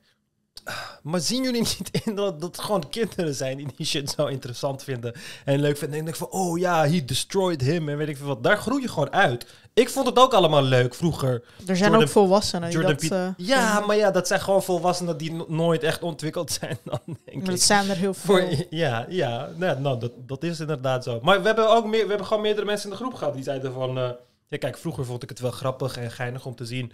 Maar na een tijdje groei je daar gewoon uit. Dan denk ik Ja. van, ja, inderdaad. Maar bij heel veel mensen is dat niet zo. En ja, die, die denken dan niet van... hé, hey, ik ben er niet uitgegroeid. Maar die denken dan van... er is een wereldwijd complot en de universiteiten zijn links... en ze proberen mijn kind gay te maken en weet ik veel wat allemaal. Dus daar maak je dan een heel andere wereld eh, eh, eh, waarheid van. Maar ja, in realiteit is het gewoon... Hetzelfde met, hadden we niet laatst een comment gekregen waarbij iemand begon over nee. Jij had de screenshot aan mij gestuurd. Ik wilde er niet eens aan beginnen. Dat zei van nee. En tijdens de pandemie moest gewoon vitamine D. En eh, wat was Ja. die andere? en die andere medicatie. En dan denk ik van, maar hoe ben je nog steeds daar? Hoe ben je nog steeds daar? In die drie jaar tijd... in die drie jaar tijd ben ik zoveel gewoon ontwikkeld in allemaal verschillende velden als mens. En jij zit nog steeds daar. is toch raar? Ja. Je kan die ontwikkeling niet van andere mensen verwachten, denk ik dan. Maar weet je wat jij sowieso hebt? Eh, ik zie dat vaker bij jou. Dan heb je bijvoorbeeld ruzie met iemand in de groep, zoals deze week. En dan denk ik van, ja maar Ummer, zie je niet in dat iemand gewoon minder intelligent is dan jij? Ja, jij verwacht ja. soort van bij iedereen dezelfde intelligentie. Nee, maar ik... Ja, maar kijk. Je moet je wel gedragen naar je intelligentie. Dat is dan wel belangrijk. Kijk, als jij hele, over, als jij hele sterke claims gaat maken zo, en vanuit echt zo'n positie gaat praten, dan denk ik van, oh, oké, dus je bent wel zelfverzekerd over de kennis die je hiervan hebt. Want je maakt allemaal van die claims en zo, weet je. En dan ga je met die mensen in gesprek en dan eh, ga je een debat aan. En dan blijkt er gewoon dat er niks is. Er is gewoon niks. Er zijn gewoon geen argumenten. Het is gewoon, ik heb iets gehoord en het, het voelt zo, dus ik ga het zo zeggen. En dan word ik gewoon boos. Dan denk ik van, maar, maar waarom, heb, waarom praten wij dan? Waarom praten wij? Waarom praten wij als er verder niks is? Wat wilde je dan precies doen? En dan, en dan is het van, ja, Ummer wordt boos en weet ik veel wat allemaal. Dan denk ik van, ja, maar waarom moet ik niet boos worden? Het, Ja. het is of huilen of boos worden. Letterlijk. Want waarom ga je in zo'n waarom ga je in zo'n gesprek met iemand? Of ga je, waarom ga je überhaupt je mening over zo'n onderwerp geven? Dat, wanneer ik drie vragen stel erover, dat gewoon duidelijk is dat je eigenlijk helemaal geen mening hoort te hebben. Weet je, dat is gewoon, ik vind dat gewoon heel problematisch. Ik denk dat een van de grootste problemen van de huidige tijd is gewoon dat iedereen denkt dat hun mening ertoe doet. Ja, Terwijl wel zeggen. 90% van de mensen hun mening is niet hun eigen mening. Maar dat komt ook door het internet, toch? Ja, Omdat je mensen kan een- lezen shit en dan is het van, oh, ik heb deze mening gevormd. Ja. Nee. Of je kan een eh, comment achterlaten en dan heb je ineens 2000 likes. Dan krijg je een zelfverzekerdheidsgevoel. Ja. Ik merk dat ook bij zo'n eh, man die ik dan ken. Dat is de man van een vriendin van mij. Die is dus al, die is al in de 60 of 70. En die gaat dan, die is nu gepensioneerd. Die gaat dan dingen commenten. En dan gaat hij de hele tijd checken wat, hoeveel likes die heeft en zo. En dat vind ik gewoon ergens cute of zo. Maar het gaat dan over politiek en zo. Maar zo zie je maar hoeveel het met mensen doet. Ja, maar het creëert een soort van, ehm, ja, dat je eraan toe doet, zeg maar. Ja, Want precies. mijn stem telt ook in deze chaotische wereld. Maar ja, je stem geldt ook, dat klopt. Maar voor de meeste dingen, Voor letterlijk 99,9% van de dingen die je vindt, die vind je eigenlijk niet. Je hebt gewoon iets anders overgenomen van iemand anders. Want als ik je zou bevragen, dan zou je niet kunnen benoemen waarom, je die dingen vindt. Het is gewoon van, oh, andere mensen vinden dat, dus daarom vind ik het ook zo. Dat is bij de meeste mensen zo. En daarom moet je gewoon, ja, gewoon niet, niet te veel vinden. Vind gewoon wat minder. Maar ja, dat gaan we toch nooit meer terugdraaien. Ja, maar het doet mij gewoon pijn dat ik dan zo'n comment lees van iemand die nog steeds zit van... Oh ja, de, de pandemie was een farce. En vitamine D en hydroxychloroquine, dat was de echte... Dat ik dan denk van... Ik, ik vind het gewoon zielig. Ik vind het gewoon extreem zielig. Dat, hoe, Zullen we anders gewoon op die comment ingaan? Oh nee, we het er toch nee, over nee, hebben. dat is echt... Dat is, Nee? nee? dat is echt... eh, ik vind dat echt... Anders denken mensen nu, ja, waar hebben ze het over? Nee, het is gewoon een comment waar iemand eh, echt alle... Ja, we zullen er niet op ingaan? Ik weet het niet. Waar iemand echt allerlei dingen zei. Maar wanneer ik het lees, denk ik dan gewoon van... Ik wil dit niet serieus nemen. Want ik, eh, ik vind het gewoon zielig dat er mensen zijn die dan in zo'n positie zitten. En die dan denken van... Ik heb het allemaal ontmaskerd. Ik weet het allemaal. En mij hebben ze niet eh, voor de gek kunnen houden of zo. Ehm, ik kan het wel vinden. Jezus, jezus. Die heb ik nog niet dan? gezien. Deze heb ik nog niet gezien. Het is een heel essay. Ehm ehm, Ik weet ook niet of het bij deze video was eigenlijk.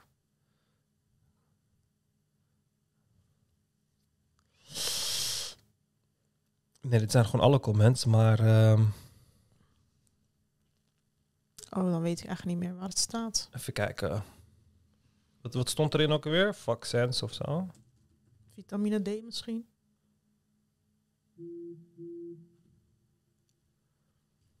Hmm. Is het verwijderd of zo? Oh ja, dit was hem toch of niet? Ja, slofje. Oh ja. Dat, het was die onderste comment. Ja. Sja, wetenschap is zo vals als maar kan. Als je kijkt naar de laatste ijstijd, zie je dat de zee 20.000 jaar geleden 130 meter lager stond. Dat houdt in dat de zee ongeveer 6 meter per duizend jaar is gestegen. Nu is de zee 25 centimeter gestegen, de laatste 100 jaar.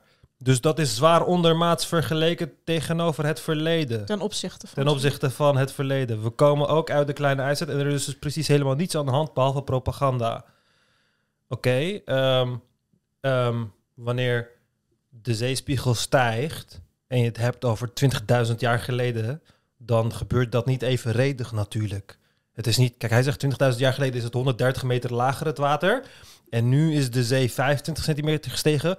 Dus het stijgt minder dan gemiddeld na de ijstijd.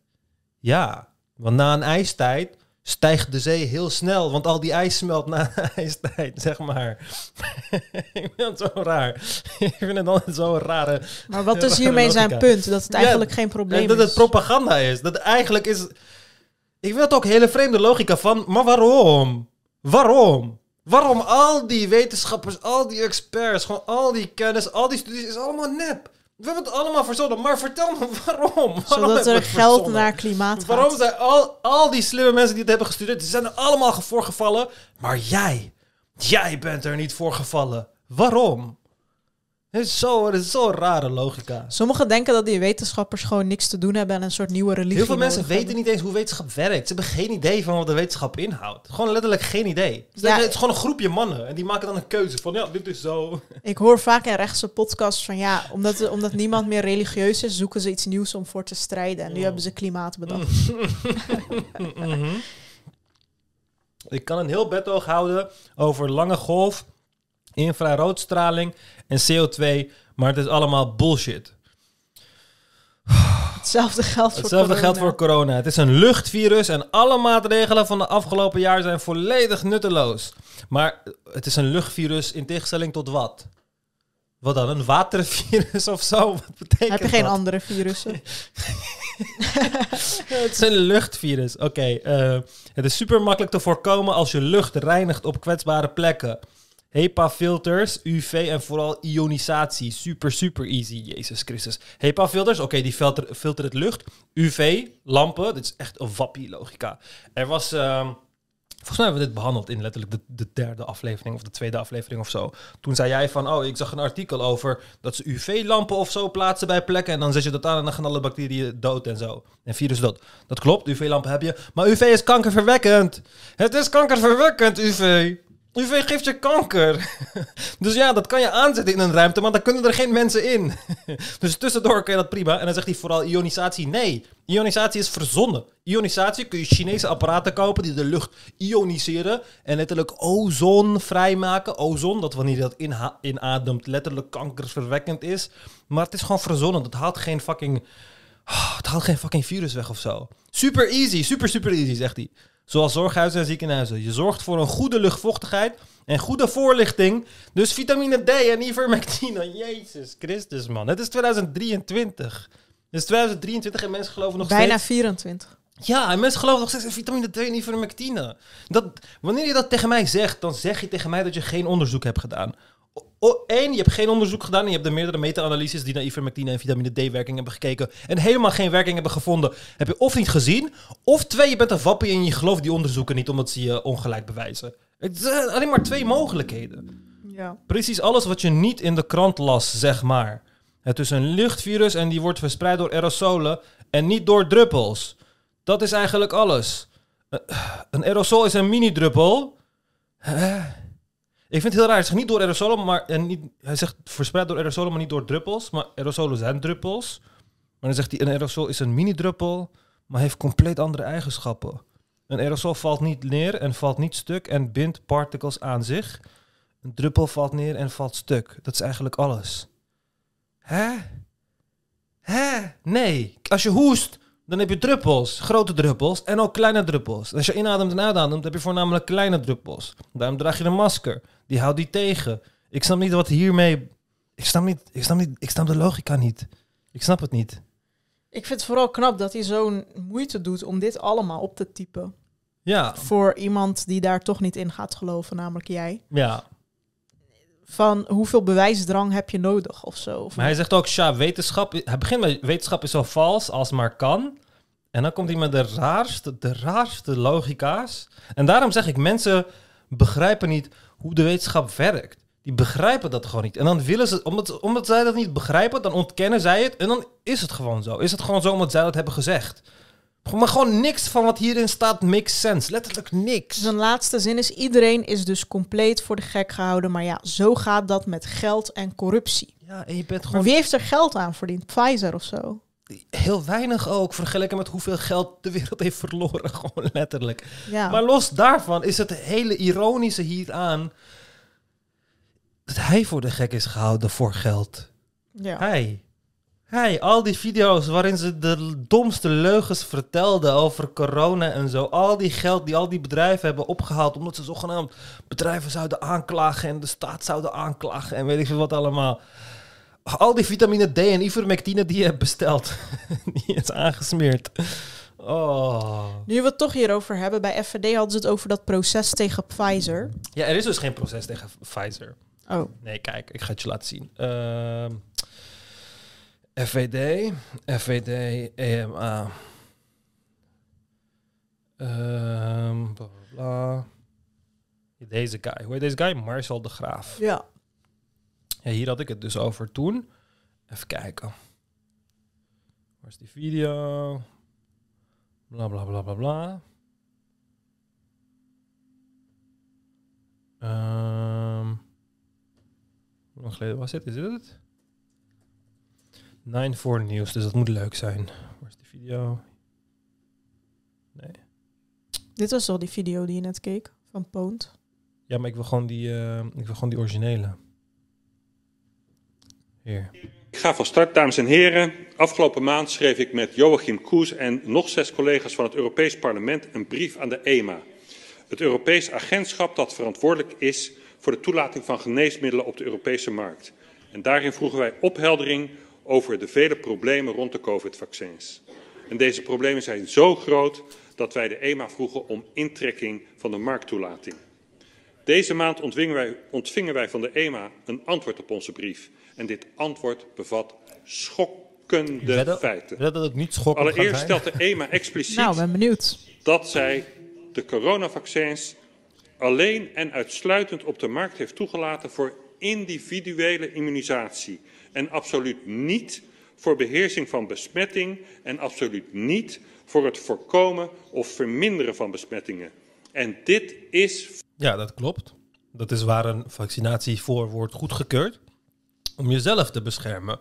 Want het wordt goedgekeurd afhankelijk van de dingen waarop het is getest. En we testen niet op overdracht. Want als je wilt testen op overdracht, dan moet je mensen besmettelijk, eh, opzettelijk besmetten. En dat doen we niet. Want dat is onethisch.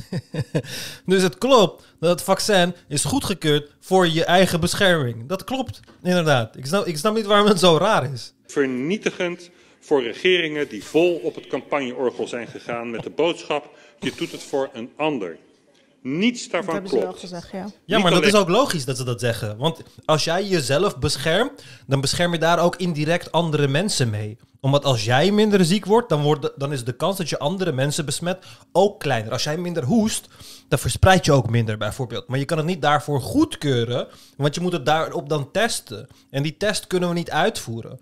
Dus de claim is niet dat het anderen gewoon helemaal niet beschermt of zo. Dat is niet wat dat betekent. Je keurt het goed voor een bepaalde case. En dat kun je alleen maar doen wanneer het daarop is getest. En we kunnen het, eh, het, eh, het tegenovergestelde niet testen. Namelijk dat het eh, beschermt tegen, tegen het infecteren van andere mensen. Had de EMA de vaccins helemaal niet toegelaten om besmettingen tegen te gaan. De EMA gaat nog verder en verklaart in haar antwoord, en ik citeer, EMA's beoordelingsrapporten over de toelating van vaccins benadrukken het gebrek aan gegevens Ja, over besmettelijkheid. niet. Met andere woorden, de vaccins waren niet bedoeld voor het voorkomen Nee, het gaat niet om niet bedoeld zijn. Het gaat om waar je het voor hebt goedgekeurd. Kijk, kijk. Stel je Maar dat voor. is wel natuurlijk gezegd al die tijd. Ja, maar dat mag je gewoon zeggen. Het gaat om, kijk, waar het voor is goedgekeurd, betekent niet dat alleen maar dat doet. Dat is niet wat het betekent. Dit heet, dit heet, kijk, stel je voor, paracetamol, ik doe een onderzoek en paracetamol helpt tegen hoofdpijn, oké? Helpt tegen hoofdpijn. Paracetamol is dan goedgekeurd tegen hoofdpijn. Kan ik paracetamol nog steeds gebruiken voor kniepijn? Ja. Kan het die kniepijn helpen? Ja. Is het goedgekeurd voor kniepijn? Nee. Want die studies zijn nog niet gedaan. Dat is het enige wat het betekent. Maar waarom Dus- zijn die studies dan niet gedaan? Dat heb ik net gezegd. Als je mensen gaat vaccineren en je wilt vervolgens testen of ze besmettelijk zijn op andere mensen, dan moet je andere mensen besmetten. En Oh, dat ja. kan je niet doen in een studie. Dat kan je gewoon niet doen. Uit real world data kan je dat halen. En dat hebben we achteraf hebben we dat gedaan. Maar daarop kun je niet goedkeuren. Had je niet je- genoeg besmette mensen voor die studie? Nee, maar dan is het geen clinical trial. Je hoort het, je hoort het in een clinical trial te bewijzen en dan approve je het. En in de periode waar zij het nu over hebben, hebben we dat gewoon niet gedaan. Omdat dat, dat doe je niet. Dat doe je bij geen enkel vaccin. Dat hebben we ook nog nooit bij geen enkel vaccin op heel de aarde ooit gedaan. Letterlijk ooit gedaan. Maar nu is het vernietigend bewijs. Maar de, eh, raarste hieraan, hij gaat door met deze dingen. Gaat hij allemaal dingen die normale mensen niet gaan begrijpen, gaat hij compleet in een andere manier verwoorden. Maar het raarste hieraan vind ik dat er is een complot. Ze verzwijgen dingen over vaccinaties en weet ik veel wat. En vervolgens stuur jij een brief naar het EMA. En het EMA vertelt jou dan gewoon. Het vernietigend bewijs vertelt de EMA dan gewoon aan jou. Ja. Weet je, het is, het is zo'n rare logica. Het EMA heeft hier niks schokkerends gezegd. Maar als je het op deze manier gaat verwoorden, natuurlijk, oh, dan lijkt het heel schokkerend. ja, hij zei ook bij Forum Insight van... ik was echt verbaasd over hoe open ze zijn met hun fouten en Ja, zo. omdat het niet betekent wat hij denkt dat het geen betekent. gegevens die onderbouwen dat de vaccins helpen tegen besmettingen. Sterker nog, de EMA verklaart herhaalde blootstelling aan het virus verhoogt de kans op infecties, zelfs in gevaccineerden. Ja, De massale overheidscampagnes om jezelf te laten vaccineren, om je ouders, je buren, de zwakkeren in de maatschappij te beschermen, waren niet alleen ongeautoriseerd, maar ook volkomen onzin en niet gebaseerd op feiten. Het hoeft niet te gebaseerd te zijn op feiten, want we hebben dat voor geen enkel ander studie ooit gedaan. Wanneer je een vaccin goedkeurt, dan keur je het goed voor je eigen bescherming. Dat is hetgene wat je test voor elke vaccin die we ooit op de markt hebben gebracht. De kudde-immuniteit die ontstaat, dat is een given. Dat gebeurt bij. Je vermindert, je vermindert de ziekte in één persoon, oké? Ga je miljoenen mensen vaccineren. Dus je vermindert de ziekte in miljoenen mensen, oké? Dus de viral load, de virusdeeltjes die uit mensen hun lichaam komen, wordt dus minder. Minder, ja. Dus je vermindert. Het is gewoon zo logisch. Maar omdat we het niet daarop goedkeuren, wat we voor geen enkel vaccin ooit hebben gedaan, we doen het nooit. We doen het nooit. Dan is echt even, oh, ik heb het gevonden. De EMA heeft het me gewoon gestuurd in de mail, maar ik heb het gevonden. Het grote geheim, het groot complot. Het is zo raar. Maar helaas wordt het nog erger. Oh, De nog EMA zegt, de vaccinaties zijn uitsluitend voor de bescherming van het gevaccineerde individu. Goedgekeurd. En voordat het individu, de patiënt, gevaccineerd wordt, moet, en ik citeer opnieuw de EMA, alle veiligheidsinformatie zorgvuldig worden overwogen alvorens een vaccinatie toe te dienen of aan te bevelen. Je mocht Ja, daarom, wanneer je je vaccinatie ging halen, kreeg je een dubbelzijdig stuk papier. Waarbij je allemaal moest aankruisen of je aan dit lijdt, of aan dat lijdt, of deze Ja. allergie hebt en dat allergie hebt. En daarom moest je dat doen. Dat betekent niet dat de dokter naar jou gaat komen, je hand gaat vasthouden en gaat zeggen van... "Ah, luister, je gaat straks een vaccin krijgen en dit is wat er allemaal kan misgaan. Zo werkt dat niet. Het werkt gewoon niet zo. Je, kreeg ook, je moest ook half uur wachten of je een allergische Ja, reactie precies. had. dus alleen in aanmerking komen voor een vaccinatie nadat een arts had vastgesteld dat dit in jouw geval Nee, dat is niet wat je zei. was. Dat is niet wat je zei. Je zei... vrijwel- Oh mijn god. Oh mijn god. wordt, moet, en ik citeer opnieuw de EMA, alle veiligheidsinformatie zorgvuldig worden overwogen alvorens een vaccinatie toe te dienen of aan te bevelen. Je mocht Dus je moet al die informatie geven voordat je iemand vaccineert of een vaccin aanbeveelt, oké? En dan daar vandaan concludeert hij dat je alleen een vaccin mag dus krijgen. alleen in aanmerking komen voor een vaccinatie nadat een arts had vastgesteld Dat is gewoon dit niet wat dat jouw betekent. niemand onder de 60 Nee. jaar de kans liep op serieuze complicaties door het coronavirus, zou er op een enkele uitzondering na niemand, maar dan ook niemand onder de 60 gevaccineerd behoren te zijn. Dus Ik vind het mooi hoe vrijwel niemand onder de 60 kans had op eh, complicaties. Terwijl onze ziekenhuizen vol zaten met mensen en er waren niet allemaal boven de 60. Nee. Die vrijwel niemand gewoon helemaal nergens op gebaseerd. man. Dan gaat hij zeggen, ja, dat zijn mensen met heel veel overgewicht, Ja, ziektes, bla bla bla. Ja, maar de ziekenhuizen zijn nog steeds vol. Ze waren vol. Al de IC's waren vol. Dit is zo raar. En weet je waarna de IC's niet vol waren? Na de vaccins. Waren de IC's niet vol met mensen met vaccinatieschade en weet ik veel wat allemaal. de sporthallen vol met vaccinprikkers waren compleet in strijd met het gebruik waarvoor de vaccins waren toegestaan door de EMA. En het wordt nog erger. Om de veiligheid van de vaccins te beoordelen was het voor de EMA essentieel dat bijwerkingen goed zouden worden geregistreerd. En de EMA zegt hierover, wij verwachten vele rapportages van bijwerkingen die optreden tijdens of kort na de vaccinatie. En dat betekent dat juist in de eerste periode vanaf vaccinatie de klachten moeten worden gemeld. De regering Ja. steunde een beleid waarin deze klachten de eerste 14 dagen na vaccinatie juist niet werden gemeld, omdat het vaccin 10 tot 14 dagen nodig zou hebben om effectief te worden. Alle klachten in die periode werden juist aan het coronavirus voorges- toegeschreven. En dat is niet alleen frauduleus, het is moedwillig in gevaar brengen van mensenlevens. En ik herinner u er nog Oké, maar welke mensenlevens hebben we in, gevaar gebracht? Welke bijwerkingen hebben we gemist? Welke doden hebben we gemist? Helemaal niks. We hebben een databank van bijwerkingen. We hebben daarop alle bijwerkingen. Let- letterlijk, AstraZeneca zorgde voor bijwerkingen. Bam, hebben we van de markt gehaald. Oké? Er is een complot en we negeren alle bijwerkingen. Maar we hebben wel Janssen en AstraZeneca van de markt gehaald omdat het bijwerkingen veroorzaakt. Wat heel raar is. We hebben letterlijk een databank gehad met bijwerkingen. Waarbij we achter allerlei bijwerkingen zijn gekomen. Zoals de, de verschillen in menstruatie en zo die bij vrouwen hebben gezien. Hebben we allemaal geregistreerd. Zijn we allemaal achtergekomen. Wat hebben we nu precies gemist? Wat hebben we gemist? Behalve de imaginary oversterfte. Wat hebben we gemist? Gewoon helemaal niks. Maar alles is fraude, frauduleus. En het wordt nog erger. En het, weet ik veel wat. Ik vind het wel interessant, want waar is dit, waar hij zijn speech houdt? Dit is dus, je kan bij het Europarlement gaan en dan kun je een zaal huren. En wanneer je die zaal huurt, dan heb je gewoon zo'n, eh, is een mediazaal. En dan heb je gewoon zo'n mooie achtergrond. En dan lijkt het alsof je vanuit de Europese Commissie zo spreekt. Maar je Ja. hebt gewoon een zaal gehuurd. En wie zijn die mannen met die oortjes? Geen idee. Die krijgen dat vertaald of zo. Ja, die, iedereen heeft gewoon steeds een beetje spreektijd. Dus eh, ja. maar eens aan dat we nog steeds kampen met een gigantisch, zogenaamd onverklaarde oversterfte. Nee, de oversterfte is al lang voorbij. De oversterfte is al lang voorbij. Maar volgens hem is er een gigantisch onverklaarde Hè, oversterfte. is dat niet Willem Engel? Die daar staat? Oh ja, Willem Engels staat daar, ja. Oh my god.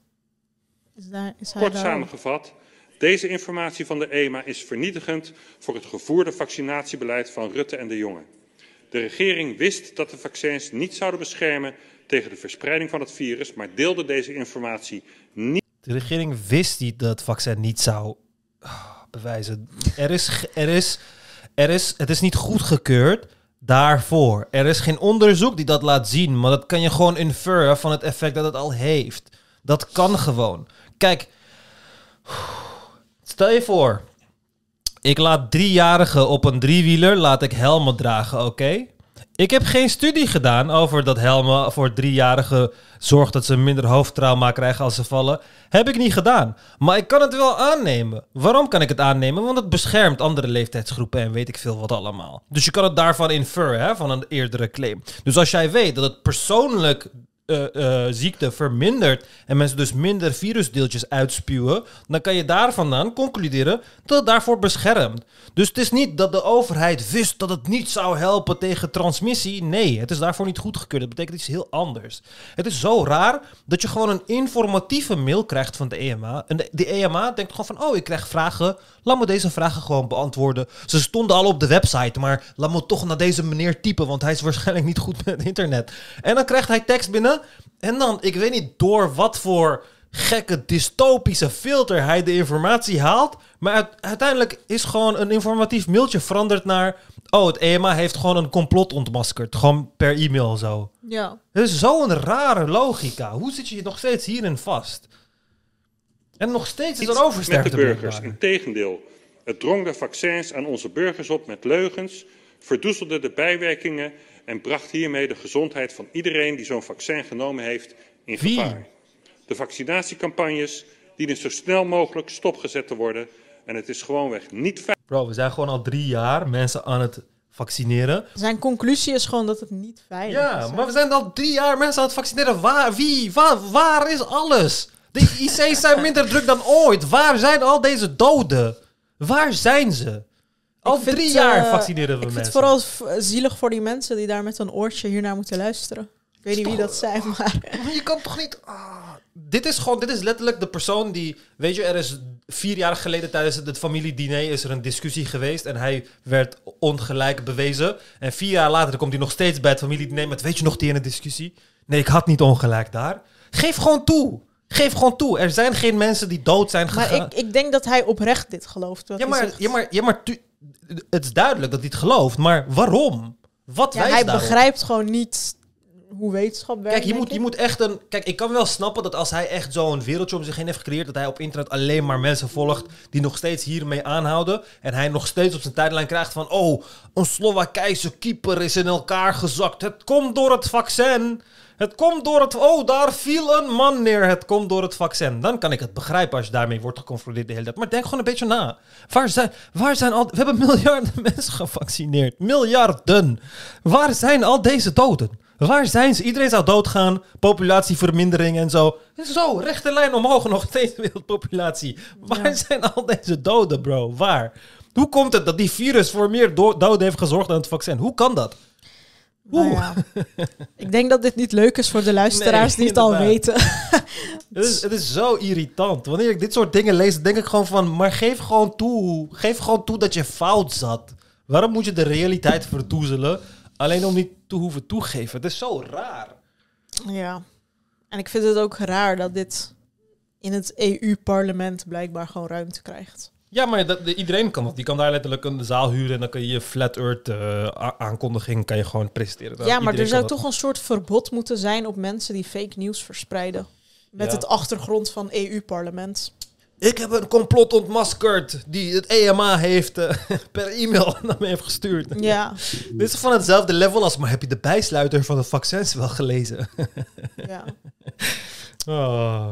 En ze hameren steeds op de eh, bijwerkingen die gevaarlijk zouden moeten zijn. Ja. Terwijl dat nergens uit blijkt, maar goed. De hoeveelheid mensen die ik ken letterlijk, een van mijn vrienden is doodgegaan aan COVID door de bloeddrop. Maar de hoeveelheid mensen die ik ken die mij vertelden dat ze na COVID helemaal fucked up waren, vergeleken naar de, eh, met de hoeveelheid mensen die vertelden dat ze na het vaccin helemaal fucked up waren, is echt een gigantisch verschil. Ja, ik heb echt niks gemerkt van het vaccin. Ik ken echt heel veel mensen die door het virus compleet gevloerd waren. Maar nee, het virus is gewoon een griepje. Maar het vaccin is fucking dodelijk. Levensgevaarlijk. Iedereen is leven in gevaar. Ja. Echt een vreemde logica. Mijn broertje en zusje zijn ook niet gevaccineerd. Volgens mij mijn ouders ook niet. Echt dom. Dat is dus door dit soort informatie. Maar goed, ik wil hierbij de aflevering afsluiten. Vergeet niet eh, je inzending in te sturen in de donateurschat als je een van deze boeken wil winnen. En tot de volgende keer. Tot de volgende keer.